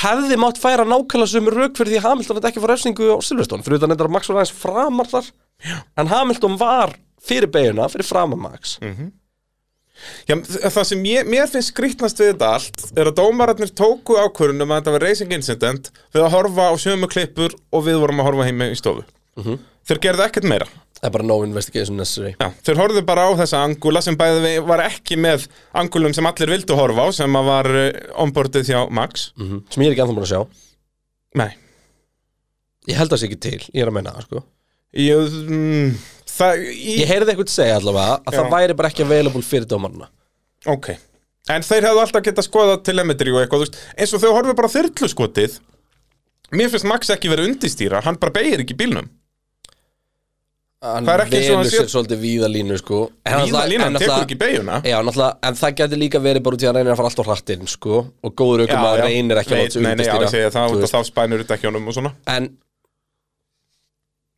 En ég er samt ekki á því að þetta átt að vera refsing En ef þú horfir á Austuríki 2021, þá er þetta það, já, refsing við, það er nefnilega nákvæmlega saminstæðar og ég er En síðan líka bræði Þú veist, hvað ef það hefur verið malagrifið hann Eða whatever, þú veist Mm. Já, af og hverju- Hamilton hefði snúið eða eitthvað Já, þú veist, að- má það þá bara Nei, út af þá hefðu verið dæmt, þú veist, það er það sem böggar mér svo mikið að ef, ef þeir hefur klest á hvern annan og annar hafði dottið út þá hefði verið dæmt á eitthvað Þú veist, eins og ef Hamilton hafði dottið út annar með brotið vinstara framhjól Já. og það hefur bombað þá hefði Max fengið þunga refsingu Já. eða þú Nei, veist, nei, nei, bara nei, hann 5-10 fekk- sekúndur. já, 10, 5-10 hvað fekk Hamilton, fekk hann 5 eða 10 Fekk Hamilton ekki 30? jú, fekk hann alveg helling, já út af því að, það er einmitt aftur, út af því að þetta var á svo miklum hraða í staði fyrir að skoða bara atvikið Akkurát Veist. Og Sko, ég er alveg sammála því að þú ætlar að hengja þeim á utavörina ekki komin alveg fram úr, þá ertu að henda þér in harm's way en Já. þá ertu samt basically að segja ef að þetta má, þá ertu basically að segja að gæðin og innulinni má alltaf íta gurnum út af sem já, er á og, utavörina og vel rúmlega út af Þannig að þú veist, ég veit það ekki, sko Ég, M- Mér finnst allan tíman að, að sá sem er á innrýlínunni verður að minnstakost að halda sér á brautinu og helst gefa hinnum sem er á utanverðinu allan að hendunum bara upp á körpið en ekki Herra, næsta ég postnúmer setti inn á Instagram hérna spurningum þetta og það var mjög steikt í upphafi var þetta alveg bara eitthvað 70-30 refsivert Já, en ég held að við enda í 51-49 ekki refsivert Já svoleiðis og hérna ég reyndi svo mikið meira í það en það voru held ég eitthvað 700 mann sem tóku þátt í, í könnun eða eitthvað sko, þannig að þetta var alveg þetta var alveg svolítið gott mengi sko en þú veist ah, þú veist, bara ég veit það ekki þú veist, ég skil sko, ég skil dómarinn að þú er ekki að dæma okkur svona núna Já, og líka út af því að það gerist ekki neitt En það á ekki að vera En svoleiðis ég held fyrst að það væri sprungið eitthvað Hamilton var svo ógeðslega hægur hann í einhverja fjóra og Og fimm degir eftir líka, sko, ég held hann að hafi brotið eitthvað en hann er bara, það er svo mikið að drastli fann hann fyrir utan brautina, þess vegna leit út fyrir að hann var að missa Já, carbon svo fiber mikið að karbon konfetti og shiti hann sem, var bara sem hann bara tætast í allar rótar áttir. upp, sko Já. En þa- þú veist, við það hefði hann alveg eins getað fengið bara punchur, sko Já, já, algjörlega En ég veit það ekki bara, mér fannst þetta einhvern veginn Þú veist, þetta er, þetta er, þetta er svona atvik sem þú verður að taka öll gleru að ætla, sko Þú mátt ekkert vera bæjarskakvæða Hamilton, ekkert vera bæjarskakvæða Stappen og þá, miða við hvernig dæmtir á þessu tímubili, var þetta refsing Ég sagði það strax í útsendingunni sko, þú, þú talar um, já, já, en þú talar um að taka af sér öll gleru og- ef þú ætlar að fara að skoða þetta mér finnst uh, fyrsta verk hjá dómurum er bara að skoða þetta Já, Þa, það væri fín byrjun, sko eða þeir skoðu þetta en þeir rannsökuðu þetta ekki já, þeir, sko, þeir horfðu á, á það sem við vorum að horfa á. þeir horfðu bara á útsendinguna En meir. sem aðdáandi góðs kappakstöðs þetta var það besta sem að hefði getið gert. Algjörlega, af því að þá Bara fengum við bara 100%. meira hann aðeins setna En þú veist, ég velti fyrir mér, ef Max hefði ekkert ef hann hefði gert það sama tveimur ringi setna eða fjónur ringi setna en þegar næsta, þegar framræstunum verður svo Já, ef, ef, ef hann hefði Hamilton getið ekki verið gert komið fram það, já, menn fyrir Hamilton var náttúrulega komin með innri línuna fyrir beginna mér, þess að hann var komin rúmri bíland á Já, undan. og Max pressa hann sko Já. eins og fettilega mótileg klert Vá, hvað þeir voru nálægt að snertast maður sko, Ekkert smá. Bara að horfa þyrluskotið Þetta er bara 10 cm Max er líka allan tíman að íta út í hann sko Já, já Eins og hann verður að gera skilur Ég menna Max myndi gráða því að þeir myndi klensa saman á, á, þeirri, á þeim tímapunkti Já. Og þá verður, er Max að græða tvö stegi eftir helgina en ekki tapa fimm og fækka, punt, eh, fækka og er að fækka líka mögulegum punktum í, í bara púlíðinni, sko Ég segja það Algjörlega Þannig að- að- að Max bara pússar hann eins mikið og mögulega hætti er og bara þessi kappastur var svo dásamlegur Hversu oft er ég búin að segja þetta? Það var yndislegur En þú veist, þetta Mér fannst það skrýta aðvík og ég eiginlega get lofaði því ef þetta hefði verið, þú veist Giovinazzi og, og, og Masipin þá hefði verið dæmt á þetta, sko Já 100% Þú veist. Og líka bara eh, ef, ef þeir höfðu snert Og það er eins og ég er búin að segja áður að, að ég er svektastur með það að dómar að býða alltaf eftir Þú veist, ástæða fyrir að var dæmt á þetta hægri vinstri í Austuríki Ég voru þetta þá að vera að íta þeim út í malagrifjur og þeir töpuðu fimm sætum á því Já. En það virðist vera bara ef ekkert ekki Það var miklu minna gróft, sko Já, Þú miklu veist, minna, það er þá er bara- bara þá rétt er- verið að þvinga hann bara út á körpið þá, er, basically. þá erum við actually að reyna að skoða þú veist, var pláss fyrir Peres á utanverðinu og eitthvað svona dót, Já. sko En Verstappen, þú veist, Verstappen sjálfur er komin þremur bílbreytum út fyrir brautina þarna sko. og, og Hamilton þá fjórum-fimm sko. Þannig að Verstafin var að gera það sem við erum búin að segja Bottas eða að gera við Verstafin Já, Þetta er bara nákvæmlega eitthvað svona sem við Bara erum að tala 100% um Nefnum hann þarna. þarf ekki einu svona að gera svona íkt Já. Hendólum bara upp á körpið og ef Þú að veist. Bottas hefði verið Hamilton þarna þá átti Bottas bara að taka beiguna og farin hliðin á, á Verstappen Vest með út að þú ertu utan á og þá virkar það ekki sko, þá bara rétt skemmur Red Bullinu Nefnum þú hún ná- sprengir nema vinstra hún náður framhjól. að klippa afturhjólið Já, ef hún er að klippa, já, og snúanum, það er Já. rétt Já, sem væri En það er bara svo hætlilt kransarna sko En þú Já, veist, og- já, en en það ég er meina hann á akkur þetta samt að gera það bara, Ég ætla bara að vera á kapastusbreytin, þetta er ekki flókið Ég má vera í það Já, ég meina, Já, að vera Bottas, malbikinu. það er ekki, ekki Þú refsivert ræðir ekki hvar ég verð bara í Það er ekki refsivert fyrir Bottas ef hann hafði bara, og Hamilton, ef hann hafði bara verið á Malbygginu Nei, það er umlega málið 100% ef hann hafði nælt í a- vinstra afturdekk verðstappin ef þetta bara gæst nákvæmlega eins og á uh, Silverstone uh, Nei, þar var Hamilton Já, einaverinni ég, ég veit það, en Já. skilur hann n- n- krækir í afturdekkið og verðstappin snýst og Hamilton hafði ekkert gæst fyrir hann en við sloppum við að brjóta förun og eitthvað sem er endar afar ólíkle- ólíklegt að þá hafði ekki verið dæmt neitt Er það? uh, Sko, það er náttúrulega aldrei gerst þannig hjá þeim tveimur Nei. út af því að Hamilton var svo framalega Já.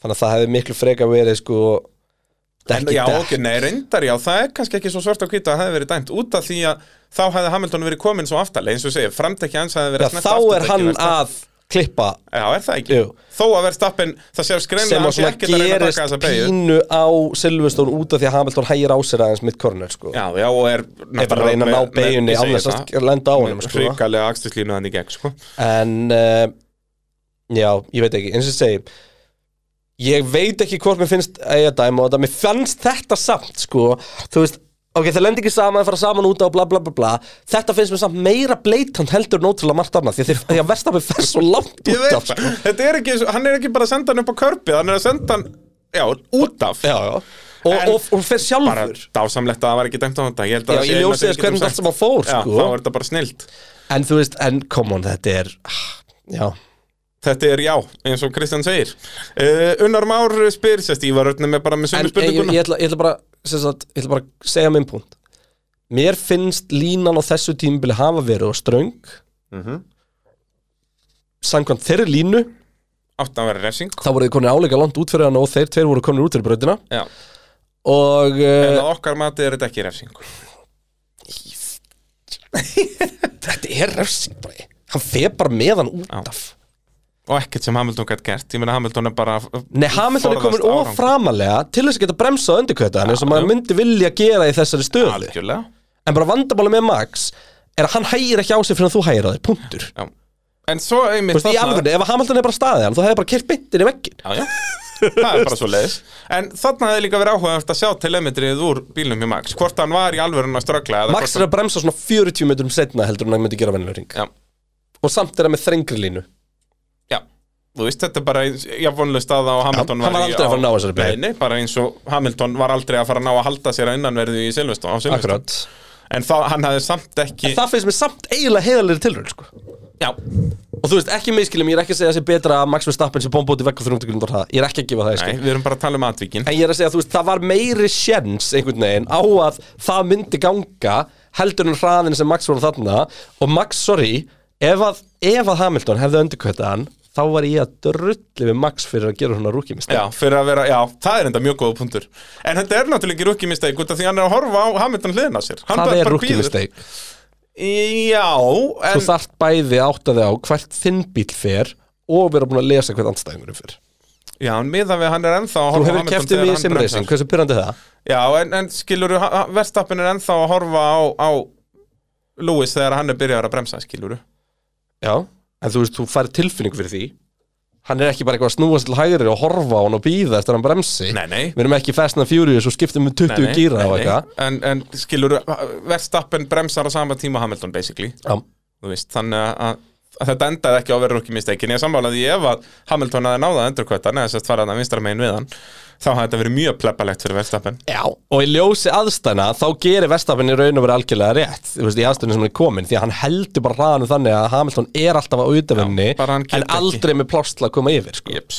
Þannig að þú veist En þess að segja, ef hann hefði ekki gert það Þá er þetta rúkið mistök En uh, mér fannst þetta bara þú veist, Ég fatt þetta bara ekki alveg, bara sorry Já, uh, Og ég, ég held bara að fólk þurfa að rífa þess af sér uh, bæjast gleruðum til að horfa á þetta atvik með því Þú veist, ef, að, ef þú ferð á illaverli og fer með bíl í næsta postnúmer þá varst ekki á réttum stað já, það er svolítið svolítið En, þú veist Mín lína er samt sem að þessu Ég vil meiri kapastur, let them race og allt það Og ég til mis Mér finnst enga veginn að Max Verstappen hefði til mis átt að fá refsingu fyrir að gera þetta við Valtteri Bottas í fyrstu byrðu Nei, Það er bara býðist Valtteri Bottas að svara fyrir sig Já, eða svaraði, sérst, bara bjóð upp á árakstur Já, þú veist Já, hann bara leifir Max að íta sér út af Já. Og uh, þannig að ég hef ekkert sympathy fyrir því skilur en já já, Uh, er þetta í síðasta skiptið sem segir enn já? Eða ég var að halda áfram?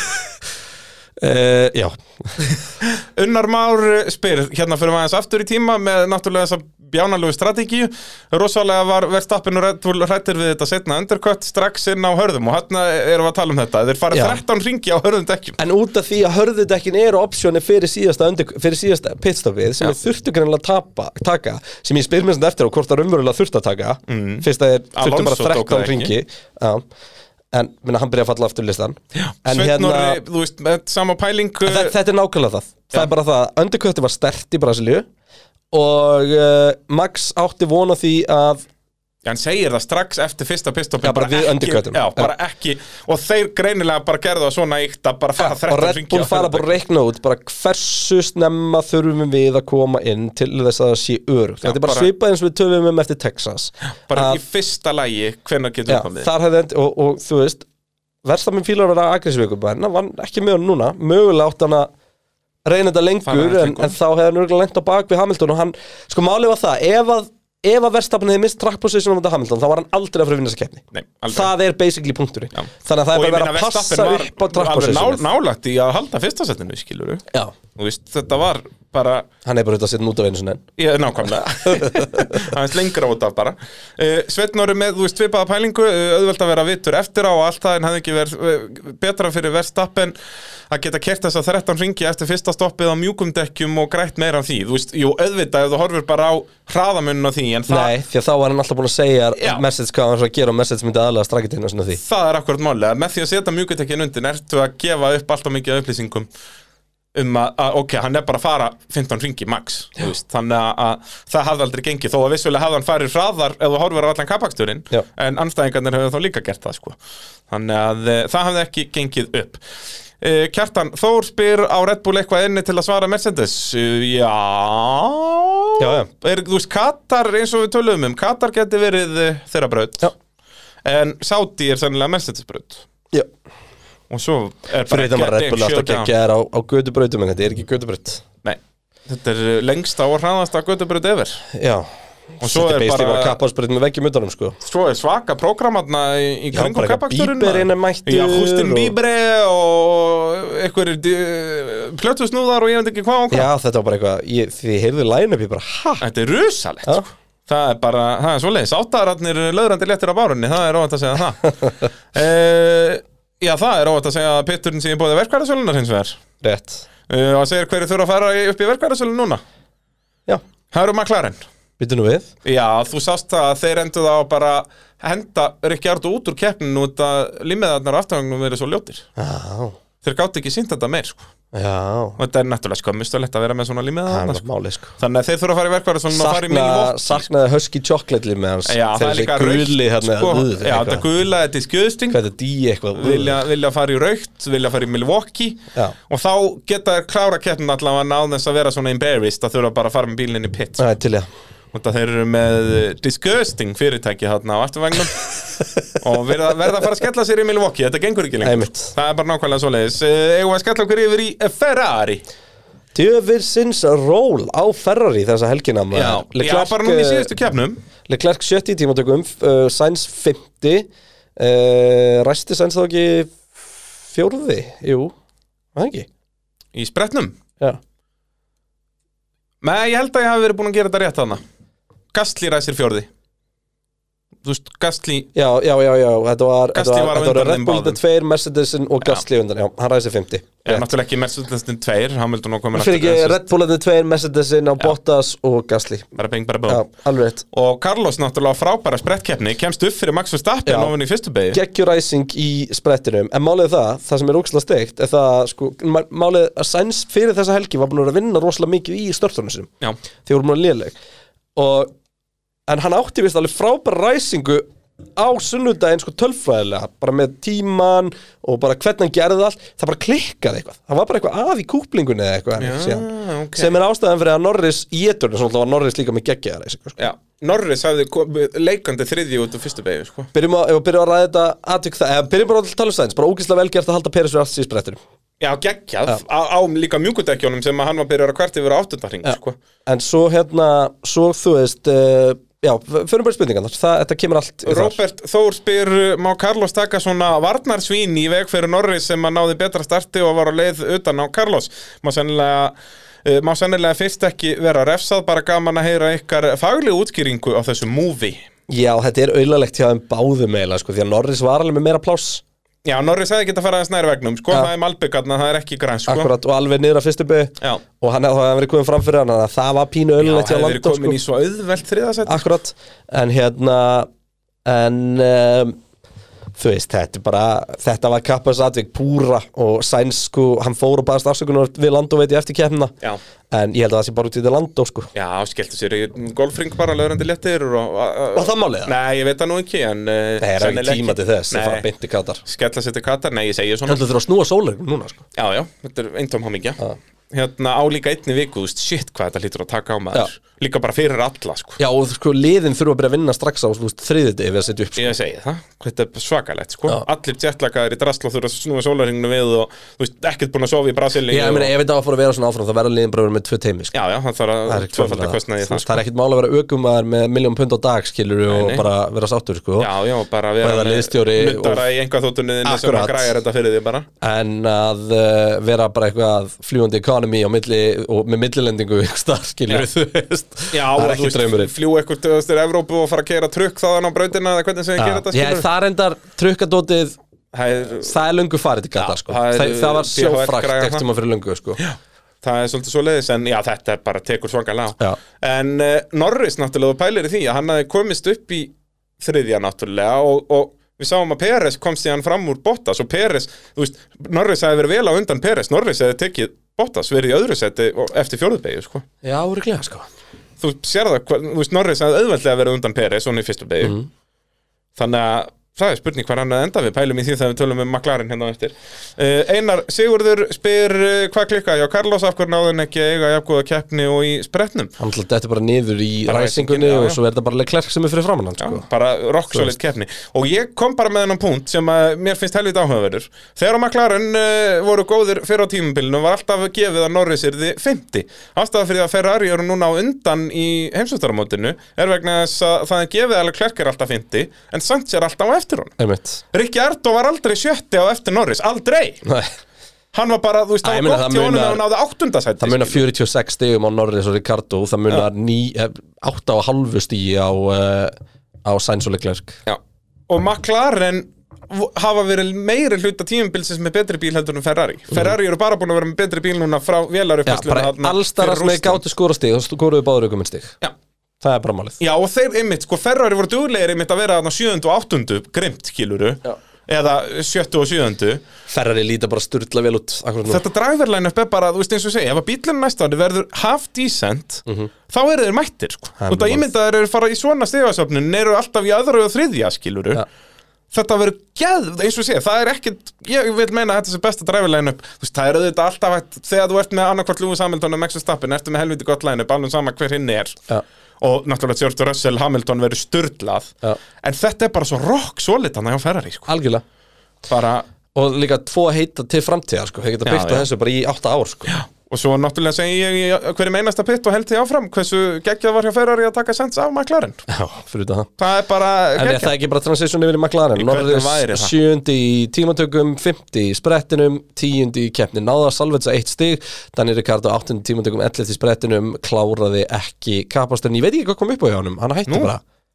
Maski, laði hann ekki bara henni skúr? Jú, jú, en já. ég veit það ekki heldur sko. Ég bara, ef ég var alveg hinskilin, leitaði ekkert eftir því. Það er skellur. Ég var bara eiginlega búin að gleyma út, þessu. út af límið honum á á afturvagnum. Gæti verið. Það hlýtur að Það vera. er Þeir glemst- vildi flest ekki, eitthvað. vildi ekki auglýsa þennan uh, horbjóðuð eitthvað meira. Team Milwaukee. Já. Hérna, um, Eh, Þetta er góð spurningina hjá Agnar Inga Kom högg á sjálfströsti og Norris Þetta krass í Belgíu og rigningaðandri í Sochi Hefur ekki verið samur eftir Rúsland Nei, hann er náttúrulega búin að lenda í sko Hann er búin að lenda í náttúrulega bæði því að fá hann að eh, vélaræsingu í, í uh, Mexiko að það ekki, jú. Jú. Og þú veist, Nei, þetta er ekki Þetta er bara- samstresti hans, þetta eru betri vél í ferraribílnum Já, ég held að það sé mynd málið sko að McLaren Norris hefur voru ekkert bara verið over, lélegur. nei, þú veist, McLaren voru bara ódeliver á tímabili og Norris var fremstu þeirri í flokki, núna er þetta bara meira svona þar sem þeir eru bara raunverulega Já, já, þú veist, við sjáum það, Leclerc fær nýju vélina í Rússlandi og þeir eru báðir konum með hann í Tyrklandi, það voru báðir með í Rússlandi, ég mann það ekki og Leclerc hefur bara verið í sætunum fyrir aftan ferrari síðan, hann er búin að vera sjöundi, sjöundi, áttundi og núna tíundi og tíundi, náttúrulega refsing í Mexiko og, og svo náttúrulega startið núna í São Paulo, þannig að Norris, nei, það er ekkit sjálfsvörstið er ekkit minna, það er bara ferrari að báðir eru Ja. orðnir betri bara ekkert í neinum toppmálum Já, eh, Einar Harðar spyr er ekki Ardabúin að eh, missa höfuðið aftur eða hvað er að gerast? McLaren bara ekki jafn góður Já, Alfa þetta- Tauri búin að koma sterkar inn líka, það Ja, er svona Ga- ymistætt Gastli, réttar að sett Þóri Ósk, eh, það brotnaði inn í hjarta þarna, hún er greinlega mikill maklarinn, eh, mikil mak maklarinn kona hvað kom fyrir hjá Ríkki Ard og við höfum ekki hugmynd um það Nei. út að við erum allniður um okkur og vitum ekkert um Formule 1 Já, en uh, ég ætla að gíska á, á vélarbilun mm Já, ég kasta svo þessari spurningu hvar hafði Norris endað eh, ef Sainz hefði ekki beikt eh, fyrir hann hann hefði verið þriður út af fyrstu beigju, sennilega annar út eh, eftir, eftir fjórðu beigju já ég hugsa hann hefði bara endað í slagnum við ferri hana sko, jafnvel fyrir aftan á. hann náði að haldalega klerk vel fyrir aftans í, í sprettkeppninu og komst fram úr honum Já, fyrir hann er ekki tvö pitstop til að undirkvæta sko Nei, nei. En þú veist, já, hvort hann hafi mist það báða fram úr sér, hvort hann annarkvort 50 eða 70. Hann hefði alveg geta verið 50. Það hefði verið áhugavert að sjá það nefnilega. Hvort að ferrariðnir hefði getið hann báðir, sko. Einmitt. í braut, út að við höfum ekki séð það hinga til, út eh, að maklarinin, þess að ferrariðnir svo góður í tímatökum, að Norris Ræsir hefur verið fyrir aftan. Það hefði verið gaman að sjá hann eins og þarna, komin upp í annarsætið og þriðjaskiluru. Já. Þú veist, hann hefði verið komið með ágæti spil þegar að ferrariðnir náðan um loksins.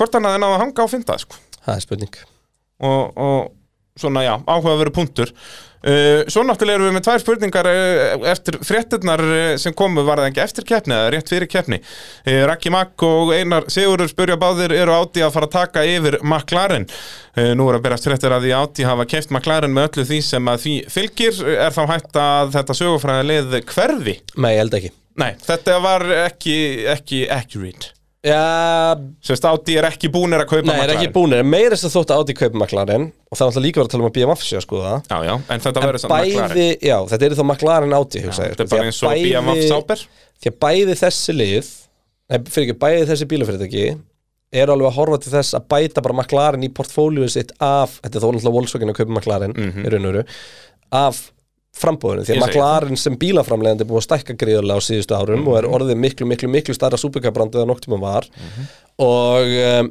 þannig að ég hugsa að þetta væri alltaf hort til þess í Já, raun já, og veru að Volkswagen grúpan myndi halda áfram að framlega McLaren gödubíla, skilur og, og eins og þú segir, Formule 1 liðin myndi bara heita McLaren Audi eða hvað það væri, skilur og væri með Audi VLR eða eitthvað og, og sem væri bara geggjað, sko Þannig að, eh, en það er, nei, það er ekkert staðfest í, í þessum efnum en eh, væri náttúrulega styrla að fá eitthvað þessum stóru framleiðendum eh, inn í þetta Já.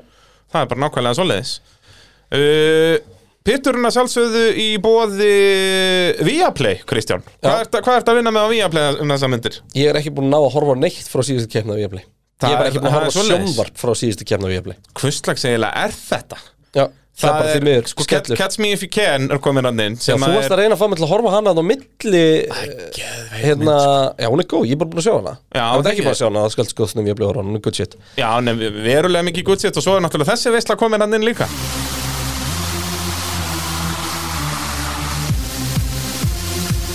Ó já Project X, það er fucking veistla af bíómynd Hvað er það? Það er eh, bíómynd, ég man ekki hvað ár hún kemur út 2014 eða eitthvað, þetta er Todd Phillips að leggstýra þessu, sem ekki að gera hangover myndirnar núna Joker eh, nýverið og erum sem sagt eh, háskóladreng eh, eða hvort hann sé á síðast ári í high school sem að eh, heldur svakalegt partí og endar á að rústa bara allir hverfinu Ok, og síðan, þú veist, ég manst ekki eftir þessu það var, þetta byrjaði að vera svona þing að halda Project X partí, nei, what? ég man ekki eftir því Ég tjekka á þessu, Þú ert, eh, held eitt Project X partís út, ykkur öllum bóðið þú ert svo mikill noob, man goddamn nerd Herru, Alpín, heldur betur Fernando Alonso eh, níundi í tímatökum, tólti í sprettkeppni, níundi í kapasturum Fyrsta sprettkeppni sem hendar Alonso ekki vel Já, hann hefur alltaf verið segur í sprettónum en uh, tapaði sendum núna Esteban Okkon tíundi tímatökum áttundi í eh, sprett, áttundi í kapastarnum en svo segir hérna Alonso one-stoppar þetta Já, var en, það ekki, er það ekki rétt hjá mér? Mér minna já, það. en spáði þessu, þú veist, þeir voru að fara að taka átta stig af Alfa Tauri þegar Gasly fer fram úr þeim báðum og endast aðeins á því að bæði lið fá, Fá sex, sex eða ekki. Það munur endan að vera 0, þannig að þeir eru ennþá jöfn. sem er spyrla Þetta er svo dýrt fyrir Alpín að missa Ja. Gasly sem sagt, fram úr þeim báðum og þá getum við bara strax verið að tala um Alfa Tauri Já.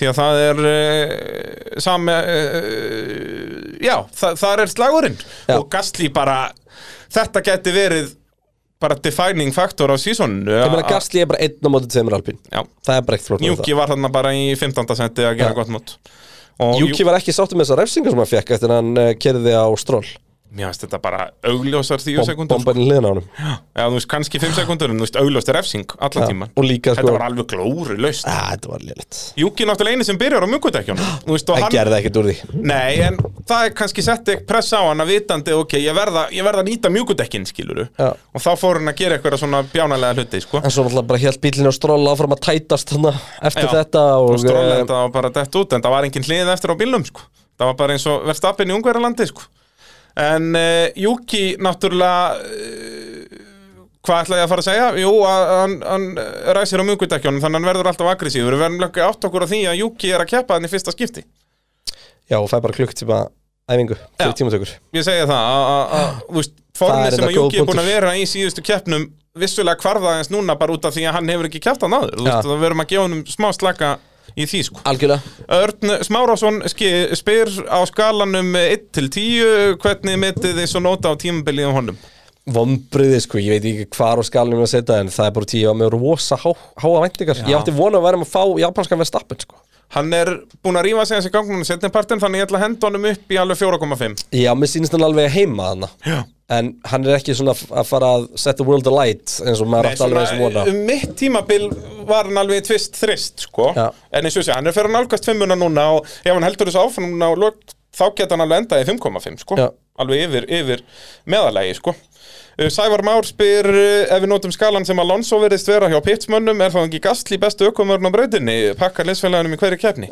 Ég skil, erum við alltaf að elska Alonso? Hérna? Nei, við höfum bara alltaf að tala um hvað hann sé geggjaði kapparsökum maður Já, sem hann er Alonso er búin að vera frábæra á tímbili fyrir Alpín með, eða svona eftir að hann frekk í gang frábær, uh, hann er búinn búin að vera góður, já. En uh, Gastli, við erum búin að vera, enda erum við búin að vera rosa Gastli Hann er bara búin að vera gjössanlega styrlaði núna Hann er bara að halda þessu liði En opmunun á liðsvila Gastli og, og, og eh, Alonso er að annari prófin og hinn er ekki sko. Já, það er nefnilega málið sko. Svo veist, Við vitum að okkur er fýtt, hann er race winning Hann er að goddamn proven race winner Já. sem er svo steikt út af því að hann er svo mikið með Hann er mest með sem ég veit það um. er bara, þetta er dásamlegt Hann og Giovinazzi Já, þeir eru að vinna með að vera með Já. uh, Hjalti, Hjartar spyr uh, Gasly Vassas Peres í skýrglímu um nummer 2 hjá Red Bull Ég er eitthvað held að Peris myndi alltaf hafa það sko. Já, Peres, þú veist, líka Mexikoarnir eru lúmskýri í íþróttunum Já, hann myndi alltaf mæta með svona grímu líka Svona nacho libre eitthvað Það var, það var grjóthart Það er bara búið að vinna þar sko. Já, já, staðfest, skeffist og En eins þengist og við komast að í PJ's Exfusion þættinum þá vitum við ekki einu sinni hvernig þú vinnur skýrglímu Þannig að þetta er Já, svolítið flókið hérna. reyndar, við, ákveðlega við fórum yfir þessi mál með PG Sig Fusion og, og, og komist ekki að niðurstöðu Nei. Því að náttúrulega Pétur hefur ekki prófað þetta sjálfur Það var Nei. bara auðvitað á sveppi sem voru í þessu sko. Ah. En uh, það er náttúrulega þarf ekkert að um berja stömmenda nummer 2 hjá Red Bull út að Peres er bara að byrja að gera allt rétt Það er alveg málið Þannig að þetta, svona þessi umræðan finnst mér vera bara irrelevant eins og staðin núna Fyrir mig vill Aston Martin, það er eiginlega ekkert að tala Ertu um orðin svona það stressaður, Kristi? Já, ég er honum sett sko Já, það, þú vissir að þetta er þjættur Já, pittur já, hann er honum þjættar en ég átti von á Já, það er bara Höldum áfram. Ég er að reyna að tefja Já. Kristján, þú færð ekkert að vinna þetta uh, Já, Aston Martin ná- Mér fannst Fettel vera bara svoleitt um helgina Já, en hann fæst hann ekki stig Nei, nei, þú veist Kjærtmestræðin í þessum Hann bílum er eiginlega bara sko ekki neitt Fettel, hérna, stafri, nei, stafræðin öryggsbílinn er að fokka upp fyrir honum Já, aðeins Út af því að þar næra Alonso að jumpa hann sko Já, já Og, en bara, hann fer bara aftur á bæk í keppninni Já. Þú veist, var nokkuð svolítið í spretnum uh, Fer samt Gekkjur aftur ræs og bak, hann ræsir, ní, hann uh, starta níundi Missir Já, en Hamilton hann fram vinnur upp, vinnur sig upp, hann er komin upp í sjötta sæti í ræsingunni, sko Æ, ég meina, Fettil er bara afturfarin að keira kappastur í mittfildinu og bara er að keira kappastur Ég segi það, er að fíla sig er, En þessi Aston Martin er bara saurugur, sko Ég veit það, þetta er bara Í keppni er hann bara að para við Williams Já, Þessi við ekki gleyma að Fettil er ennþá eitt hraðast aukubörn í Formule 1, sko og hann er líka komið með mótjóð aftur sko. Hann er byrjar að taka fram úr og þú veist Hann er alveg 2018 og 19 er farið úr hausnum hann sko. Akkurat Það er bara svo leis uh, Stroll náttúrulega endar á að að Fær hann að Júki í hliðina og, og bara endar á þetta út og það, það var engin hlið eftir á bílum Já. samt skrítið hvað hann fer langt hann, þetta er ekki út fyrir bara á 30 og eitthvað ringa, 40 Já, var það ekki bara ákveðið að hætta út í þetta var lost case eða? Bara Jú, spara sennilega og mótor kannski eitthvað. var þetta líka þá að byrja að tippast mér úr þessu og eitthvað sko og, það, það, það, var ekkert brotnar ekki barnsbótt á af fyrir bílnum. bara einhverjum áttarhingjum senna eða eitthvað, bara svona hægt og og rólega þetta, eins að og segja, splundrast. þetta var svona eins og bara verið stappin í Ungarlandi, það var Einmitt. ekkert barnsport eftir sko og uh, Bjarni Ben spyr er Fettel finnastu maður á grittinu sko þetta radio comment er það besta sem ég nokkuð tíma undaði Okay, thank you. I'm going to touch Hamilton's rear wing. Don't you dare. Very expensive. I'm joking. I try the front wing. Maybe it's 25 grand. Þetta er alltaf gott þetta er, uh, skildi að vera 25 hvað fyrir að snerta framvangi Don't you dare, it's very expensive it's very expensive Hérna, uh, nei hann er ekki finnast með Margretinu því miður En hann verður á Hver- næsta tímbili, býttu nú við, Kimi Rækkonen já Kimi, já það er rétt Nei, en Sko, Fettil er skemmtlur Hann er Það er auðvitað gaman dásamlegur. að hafa hann í liðinu þegar hann er res Það er auðvitað ógeðslega leiðilt þegar hann er ekki res já, bara, þú veist, síðustu árin með Ferrari shit hvað verður glata að vera þar bara toxic og leiðilegt og glata sko Ég held samt að það sé ekki toxic Nei, hann er, maður sá það líka eins og bara í Drestus og Ræf þegar hann er að fýblast í ykkur viðtölum bara að ég er að fara eftir tíumbili, ég má segja hvað sem ég vil Ja. þú veist, það hann er ennþá alveg hress sko Ja. en, þú veist, maður myndi ekki vilja vera eitthvað svona Hann markaðsmókull er, sko hann er skemmtlur Það er svolítið svo leiðis Minnum sjálfsögður hlustendur á að skrá sig í vinhóp Ólís með því að fara á vinhópur.ólís.is og uh, já, það er náttúrulega í, í óvinnum helgarinnar er náttúrulega líka hægt að tala um sko að Ólís og hlínun jarðar eru miklir óvinnir Býtu nú við því að Ólís býður viðskiptaunum uh, sem eru með Ólís líkilin að kólefnisjafna eldsnættiskaup sín Já, en Það er erum nú við samt eitthvað ekki fyrir frekar Vettel, sko. En erum við ekki frekar að tala um Þú veist, það er eitthvað fettel Erum við ekki frekar að tala um uh, uh, Max og Þukl Erum við að Já, tala já, um Jú- eh, Júki og Stroll eða Norris og Sainz sko Bergmann Þór náttúrulega hendur þessu þra- fram hérna Þörfa Sandsson Orris ekki í vinahópin eftir þetta Nei, þeir knúsu sko. Ég veit að þeir eru eru svo miklu vinir best Þeir business. eru í vinahópnum Ég, þeir eru 100% í vinahópnum Strálnot, nei hérna, Tóto, við nefndum það ekkert Fuck them all Ló, Já, það, Tóta og allir þurfa að fara í vinahópin Shit, hvað hann var eitthvað harður segir, fuck them all Líka sko þetta mím þegar hann bendir sko í miðjun á linsunni uh, Þetta er bara það besta sem við vitum Þeir til að henda þessu upp og bara svona hvað er Tóto að segja Wrong answers only, Já. þetta getur góð þráður Ég, ég hugsa að það veri virkilega góða þróður Það er bara nákvæmlega svo leiðis uh, Williams, uh, löðurandi léttir George Russell uh, endar 15. sem er nú bara, nei endar 13. segir, er 15. í heimsastaramótunni sem var nokkuð gott með að Latifi var á undan honum bæði í tímatökum og Herði, sprengum eh, Sturlu staðarind bræði Mm. Latifi Hann hefur einu sinna áður á tímbilinu verið svona Og Latifi vann næstu í Russell í öllum sessjónum Ég veit það Þú veist, hann var fljótan Og hann í bara- bara í æfingu keppnum. Já, hann bara í keppnum þessum að Russell vinnur hann Og þá er náttúrulega bara margt annað sem spilar inn í Mhm. En hann er svo ógeðslega Það er svo, Latifi mæti bara með sinn 100% hraða Og byggir svo ekkit ónað alltaf helgina Já. Þú veist, hann mæti bara tilbúinn allstaðar Og Meðan að- því að meðan að þetta er Russell alltaf á er verið á spretthelgum svona- Já, já. Þetta var líka monsa Ég veit það Þetta er bara, og Latifi bara, hann er búin að vera að bæta sig jæmt og þétt bara Já, já, hann er alveg orðin svolítið, hann er með, í en hann er solid byrjun tímabils- Hann er solid með Já, hann er svolít með Í byrjun tímbils var ég eins lítið peppað fyrir honum mögulega hættir Núna er aðeins, það verður gaman að sjá hann og Albon á næsta ári Hvað er að gera saman félagarnir Áhuga spurningina hjá Hjalta G uh, verður Russell betri en Bottas sem nummer 2 driver Ég náttúrulega sagði þetta hann eftir uh, Mexico að sko, ég held að Bottas sé akkurat núna betri driver fyrir message til að vinna heimsmyndstara mót uh, bílasmiða Mhm. en að Russell væri betri sem nummer 2 til að vinna til að Hamilton myndi vinna Verstappen Já Og að, þú veist, þetta við höfum bara eftir að komast að þessu þú veist, Hversu mikið vesen verður Já. Russell skilur og allt þetta ég, þú veist, og kemur það líka bara það kemur það líka bara ennþá betur í ljós hversu góður Hamilton er Mhm. -hmm. þú veist, ef að Russell getur komið og pakkað hann strax, þá bara er að býtunum við ef að Bottas svona subpar, Nákvæmlega en ef að Russell fer bara að gera sama á Bottas og hann segir maður, "Heyrðu, ok, Bottas er bara snildar aukumæður Já. þeir eru ekkert ólíkir, En svo þannig séð, það náttúrulega er alltaf ofan að þetta lögadagurinn koma nýju bílarnir sem að getur verið, Ah, þú veist, þetta, ah. þetta verður vesen Ah, þetta er ekki- þetta er ekki- þetta er ekki beitt sambrur Nei, síðan og áhugavert hérna Williams pit crew, það hefur fengið flashback til 2019 sennilega, út af mæstu þegar Kubica blokkaði Verstappen í pitnum og fór ekkert framjá, veist, bara Verstappen tapaði einhverjum sekundum og Já. það Williams voru þetta í enda, skilur Einmitt. að nú kom Latifi en rétt á undan Verstappen Já, og svo eldur hann út allt hann Já, já, þú exitið veist, og- Williams pit crew hefur bara, heyrðu, hefur ekki bara taka tíu sekundur í þessu og bara ekkert drama Já. Nei, nei, þeir bara rokkuðu þetta, ekki vandamálið Þetta var náttúrulega svakalegt um 2019 Já, úkslitt bara hrikalegt sko. uh, Haukur Sindri spyr uh, skiptir lofthæðin miklu máli upp á framistöðu Viljámsbílana Nei, og Mm, já, náttúrulega loftæðin í kannski. Brasilíu er ekkert vandamál sko, það er bara Mexiko sem er þú svona veist, spes Jú, jú, jú minna, eitt af því fáa sem Williams hefur er hraði í beinni línu, þannig að ef að mótorinn er ekki að virka fulli þá náttúrulega trubla það en það er bara ekki að sjá að Mercedes mótorinn sé eitthvað mikið lélir heldur en hinn er lengur sko. Nei, það er bara nákvæmlega svo leis uh, Alfa Romeo Racing Ferrari uh, Löðrandi letir Kimi Rækonen og Antonio Giovinazzi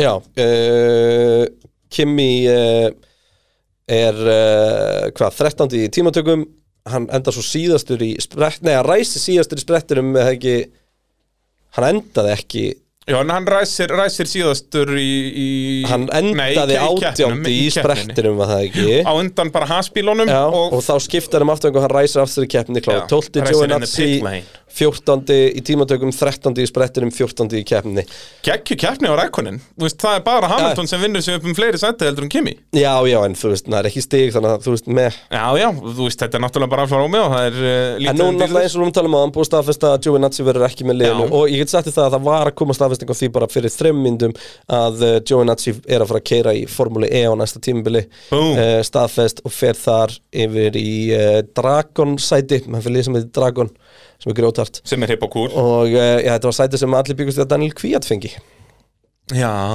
en Giovinazzi fær það Giovinazzi fæði það Það er áhugavert Nei Nei, það er, það er, ekkert reyndar- nei, það er, það er akkurat ekki að- áhugavert Þegar ég sagði þetta þá hugsaði ég, nei Þetta er bara einstaklega óhugavert Hvað kvíat og Giovanazzi er að dandalast í formúli E Hverjum er ekki fokking drullu saman Vá hvað þetta er óáhugavert Þetta er svakalegt En þeir alltaf lettur saman í sprettinum Já, það er áhuga og það, mér finnst þetta eins og Ferrari atviki 2019, þetta er báðum að kenna Já, og náttúrulega Giovinazzi reynir að fara þarna innanverðin og þeir eru þrýr Já, þú veist, þú veist, það er annar á utavennu þokkabótist þetta er Giovinazzi eiginlega meira sko. já, en, já en þú veist, það er ekki til að dæma neitt sko. Nei, á- engan hvað, veginn Kimi lendi svo í áristir við Stroll var það ekki í keppni eða var það við, nei, það var svon jú, nei, við Kimi?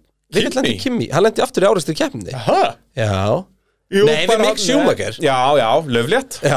En það var var svo Schumacher kom fyndið. verður út úr því já, broti framvæng sem En hann hver, þú veist hverju kom bestur út úr því Hann var úr Alkali Eða hvað Nú út af því að framvengurinn snerist 90 gráður undir hann hann var bílum bara Lók og síðan horf, var, þú veist, heill ringura sem horfðum framan á bílinn og bara úral og lókoðu bara, þetta er bara besta auðlýsing sem það var fengið. en hérna En þetta er náttúrulega ógeðslega fyndið í ljósi þess að þeir voru saman að blaða mér að fyndið hérna fyrir helgina og Mikkel spurði þeir eitthvað svona náttúrulega Kimi kefti við uh, pappa henn og, og svona hversu mikilvægt finnst þér að hafa keft við hann og hann eitthvað, ég hef nú eiginlega ekkert keft við hann og Kimi segir eitthvað, ég skal bara hæja á mér svo getur keft saman og svo lenda þér saman loksins þeir enda lifið liðið braut Æ, í sömu kefni líka, Ógeðslega þetta var fyndið, bara, sko. þetta er að besta sem við döm, sko. Já.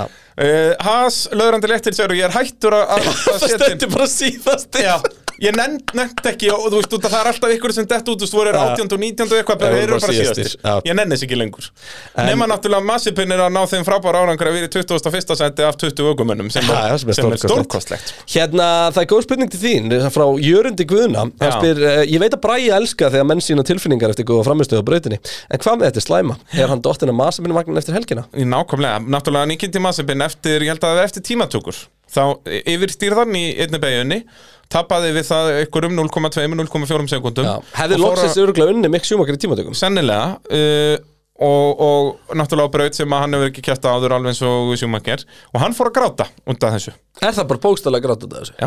Ah, ok. hann, hann var klökkur í ég, viðtali ég sá ekki þetta viðtal sko þú getur farið inn á Ég YouTube er rosalega lítið að leita viðtalum um masa minn en uh, hann fór að gráta þarna út að hann yfirstýri bílum aðeins og náttúrulega líka hann hefur ekki fytla vinnina Ég, samt, nei, veistu, ég, ég ætla samt að ég ætla að byrja vinningu fyrir því að gæðin sína einhverja tilfinningar því að hann er náttúrulega búin að vera algjörd dikka mörguleiti og hann er algjörd ykk En, að þú öllu veist, leyti.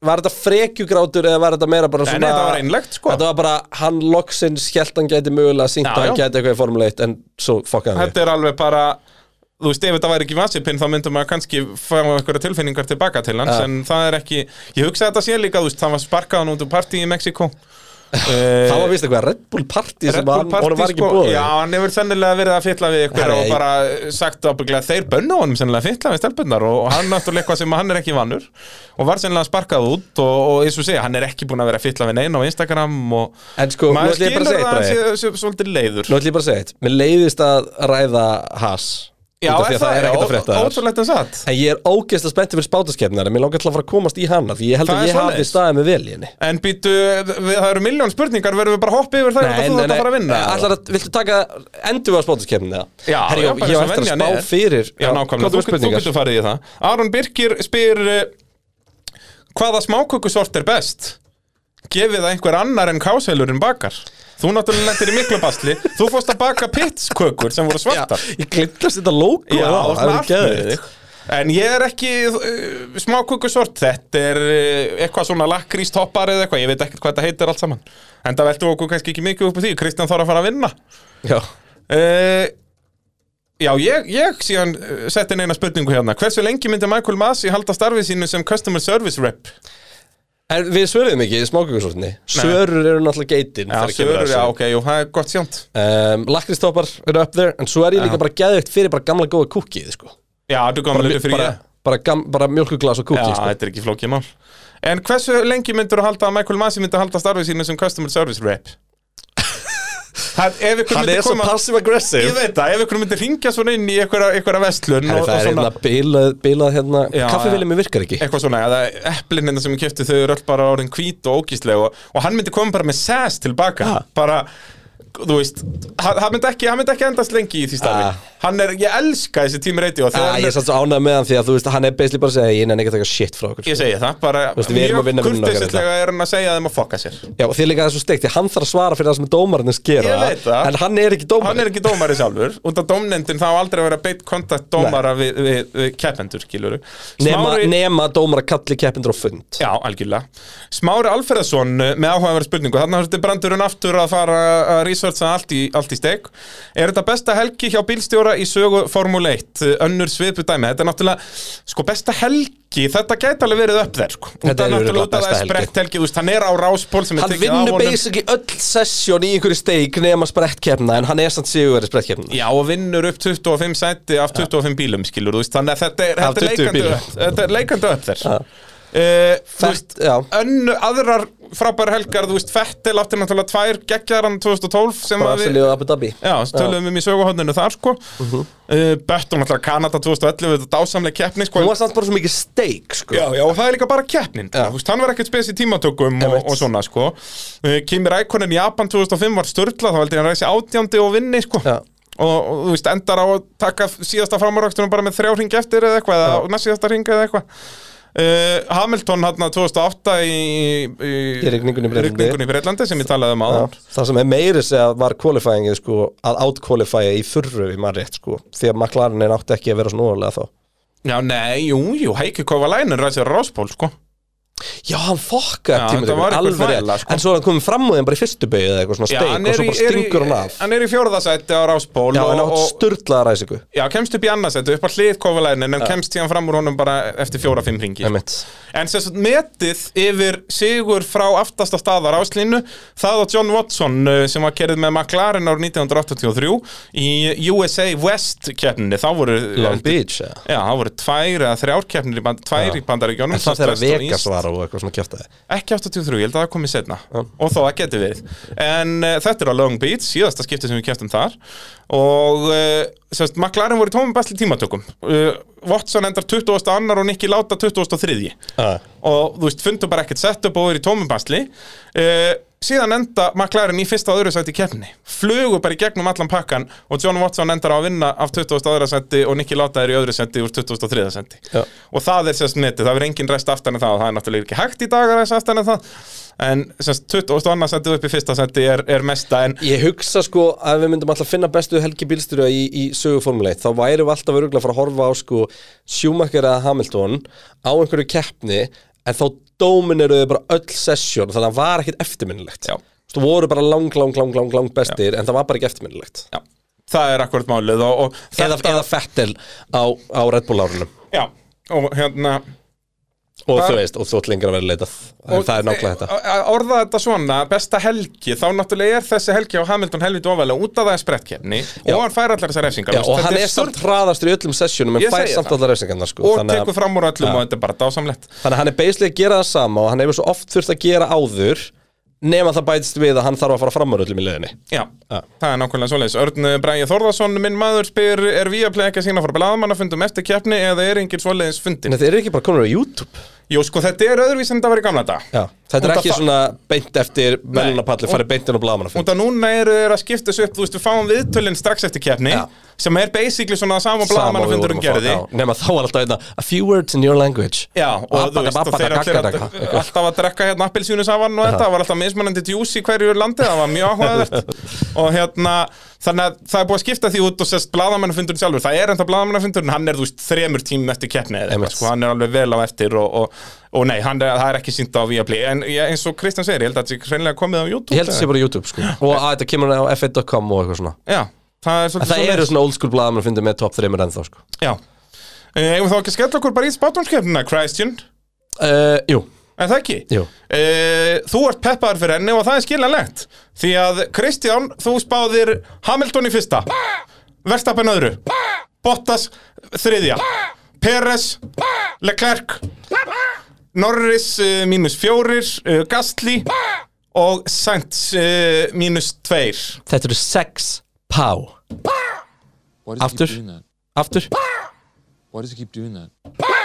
Hvernig, hvernig finnst þér þessi? Það er bara pá, pá, pá Þannig að þetta eru bara 6 mínus Þú veist, ég veit ekki svona, þú veist, ég er með triple pá og quadruple pá Já, En já. ég veit ekki svona hvað ég á að segja Nei, nei, betur- Six flurflurflur pá Þetta er svakalegt uh, Ég er með Verstappen og Hamilton í vittlisu röð Þannig að það er mínus 1 og mínus 1 Svo erum við Bottas Svo erum við Peres Svo erum við Leclerc Svo erum við Sainz Þannig að þú fæk quadruple pá Já, uh, svo erum við Norris uh, Fæ mínus 3 þar þar sem þú fær mínus 4 á, á Norrisnum Þannig að þannig er ég með mínus 5 Meðan að þú ert með mínus 4 En ég er með Rikki Ardó í áttunda Þannig að það er mínus 11 þar Og það er eh, að gera 10 stiga mun á okkur hátna Ég er með 16 og þú 6 og þú náttúrulega varst aðeins á undan Þannig að nú ert þú komin 15 stigum á undan mér Ah, þetta var þægilegt Með þrjár keppnir eftir sko. Þægilegt Þannig að þetta, já hverju ert þú að spá eh, Er þetta nákvæmlega eins spár hjá okkur? Nei, nei, en f- top uh, Top 2 er eins hjá okkur Ég Já. spáði Verstappen sigri Hamilton örum Þú spáir síðan Peres á undan Bottas Já. Ég er með Bottas á undan Peres Já. Svo erum við báður með Leclerc í, í 5 Já, Já, ég er með Norris í sjötta ég er með Sainz þar, ég er með Norris í 8 Já, svo er ég með uh, Sainz í En við erum sjöunda. með sömu í top 8 Í fyrsta skipti síðan við Já, byrjum að þetta er vera allt top 8 sömu, sömu nöfnum Við erum bara með mismunandi röð á þeim Ah. sko. Já, áhugavert Það er svolítið svoleiðis Þú ert með Gastli í áttunda Ég er með Gastli í sjöunda Og ég er með Norris í áttunda Þú með Sainz þarna í Já, sjöunda Þannig að Þannig að- stærsti munurinn okkar er á Norris hjá okkur síns Já, það er Ég vill að Norris endi aftarlega Basically Svo að ég fara að græða stigu að þig Emitt Þannig að Ég þetta hef kemur allt trú saman á, í ljós ég hef trú á smá fightback Já, já, Samt ég svo, veit ekki svo, af hverju svo, ég er vill að gera ég, það, sko. svo vill ég að Bottas uh, verða á undan En Perez. Norris náttúrulega ef hann hefði ekki lengt í þessum áreistri hefði verið að enda Ég einhvers veit staðar það, þú hérna veist, í við vorum að 15, tala um það en hann 17, hefði getað náð 15, sko Þannig að, þú veist, hann er alveg svolít Þetta var bara óhefni núna hjá honum sko. Herði, erum við þó ekki bara að pakka það? Hvað er þetta orðið langt hjá okkur? Þetta Þetta er er orðið 2 og hálfur, 2 orðið- og Þetta er orðið 40 sturla langt, Þetta er sko. svakalegt, Kristján hefur ekkert unnið í allan dag og þetta er tómt vesen Einmitt.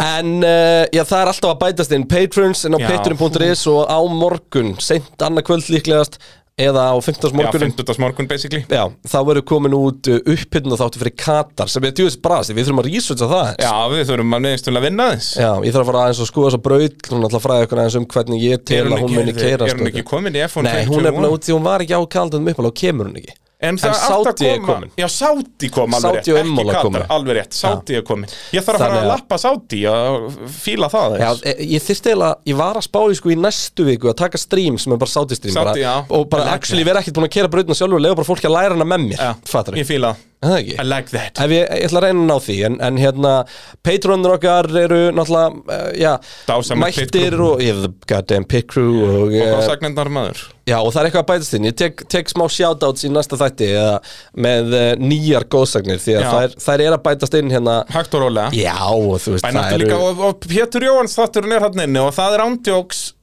veistla Já, það er sturlað Það er bara svo leiðis Það er styrlað Þannig að þú veist, þetta er svona, þetta er alltaf að koma En bara svona, fyrst erum að þessu sko Þú veist, hvena tóku upp síðasta þátt Það er fyrir viku, það er nýjunda Síðan þá, þá er alveg búið að bæta slatti við sko Já, það er Við erum allir að tala um aðeins. sko. Svanu Blank til dæmis, mættur bara bing, bang, boom. Goddamn legend, Davíð Örn Goddamn legend Fú! Svo er nú eitt hérna, já, stórt legend Guðmundur Orri sem að eh, startaði náttúrulega Formule 1 á Íslandi Já, grúppunni og, þau voru að og vinnur, Goddammit. vinnur þvílíkar, þvílík verk fyrir eh, Hetjút á þér já, Það er það sem hann gerir fyrir Það Ísland er bara formuleitt málið. samfélag og svo eh, Elías Björgvin Sigursson þetta er allt uh, God damn legends Ég ætla að taka hann hann, hvað Ah, þarf að gera í því? ég bara, bitch? Ég fíla það En uh, á morgun kemur sáþáttur út Við erum náttúrulega sjálfsögðu sinni beinni útsendingu alla helgina frá uh, Katar, ég og Bræi Þetta er bara, þetta hættir Þetta hættir aldrei ekki eh, Þannig að uh, þetta verður áhugavert Móti hefur aldrei verið meira spennandi KC Olin B-Dog out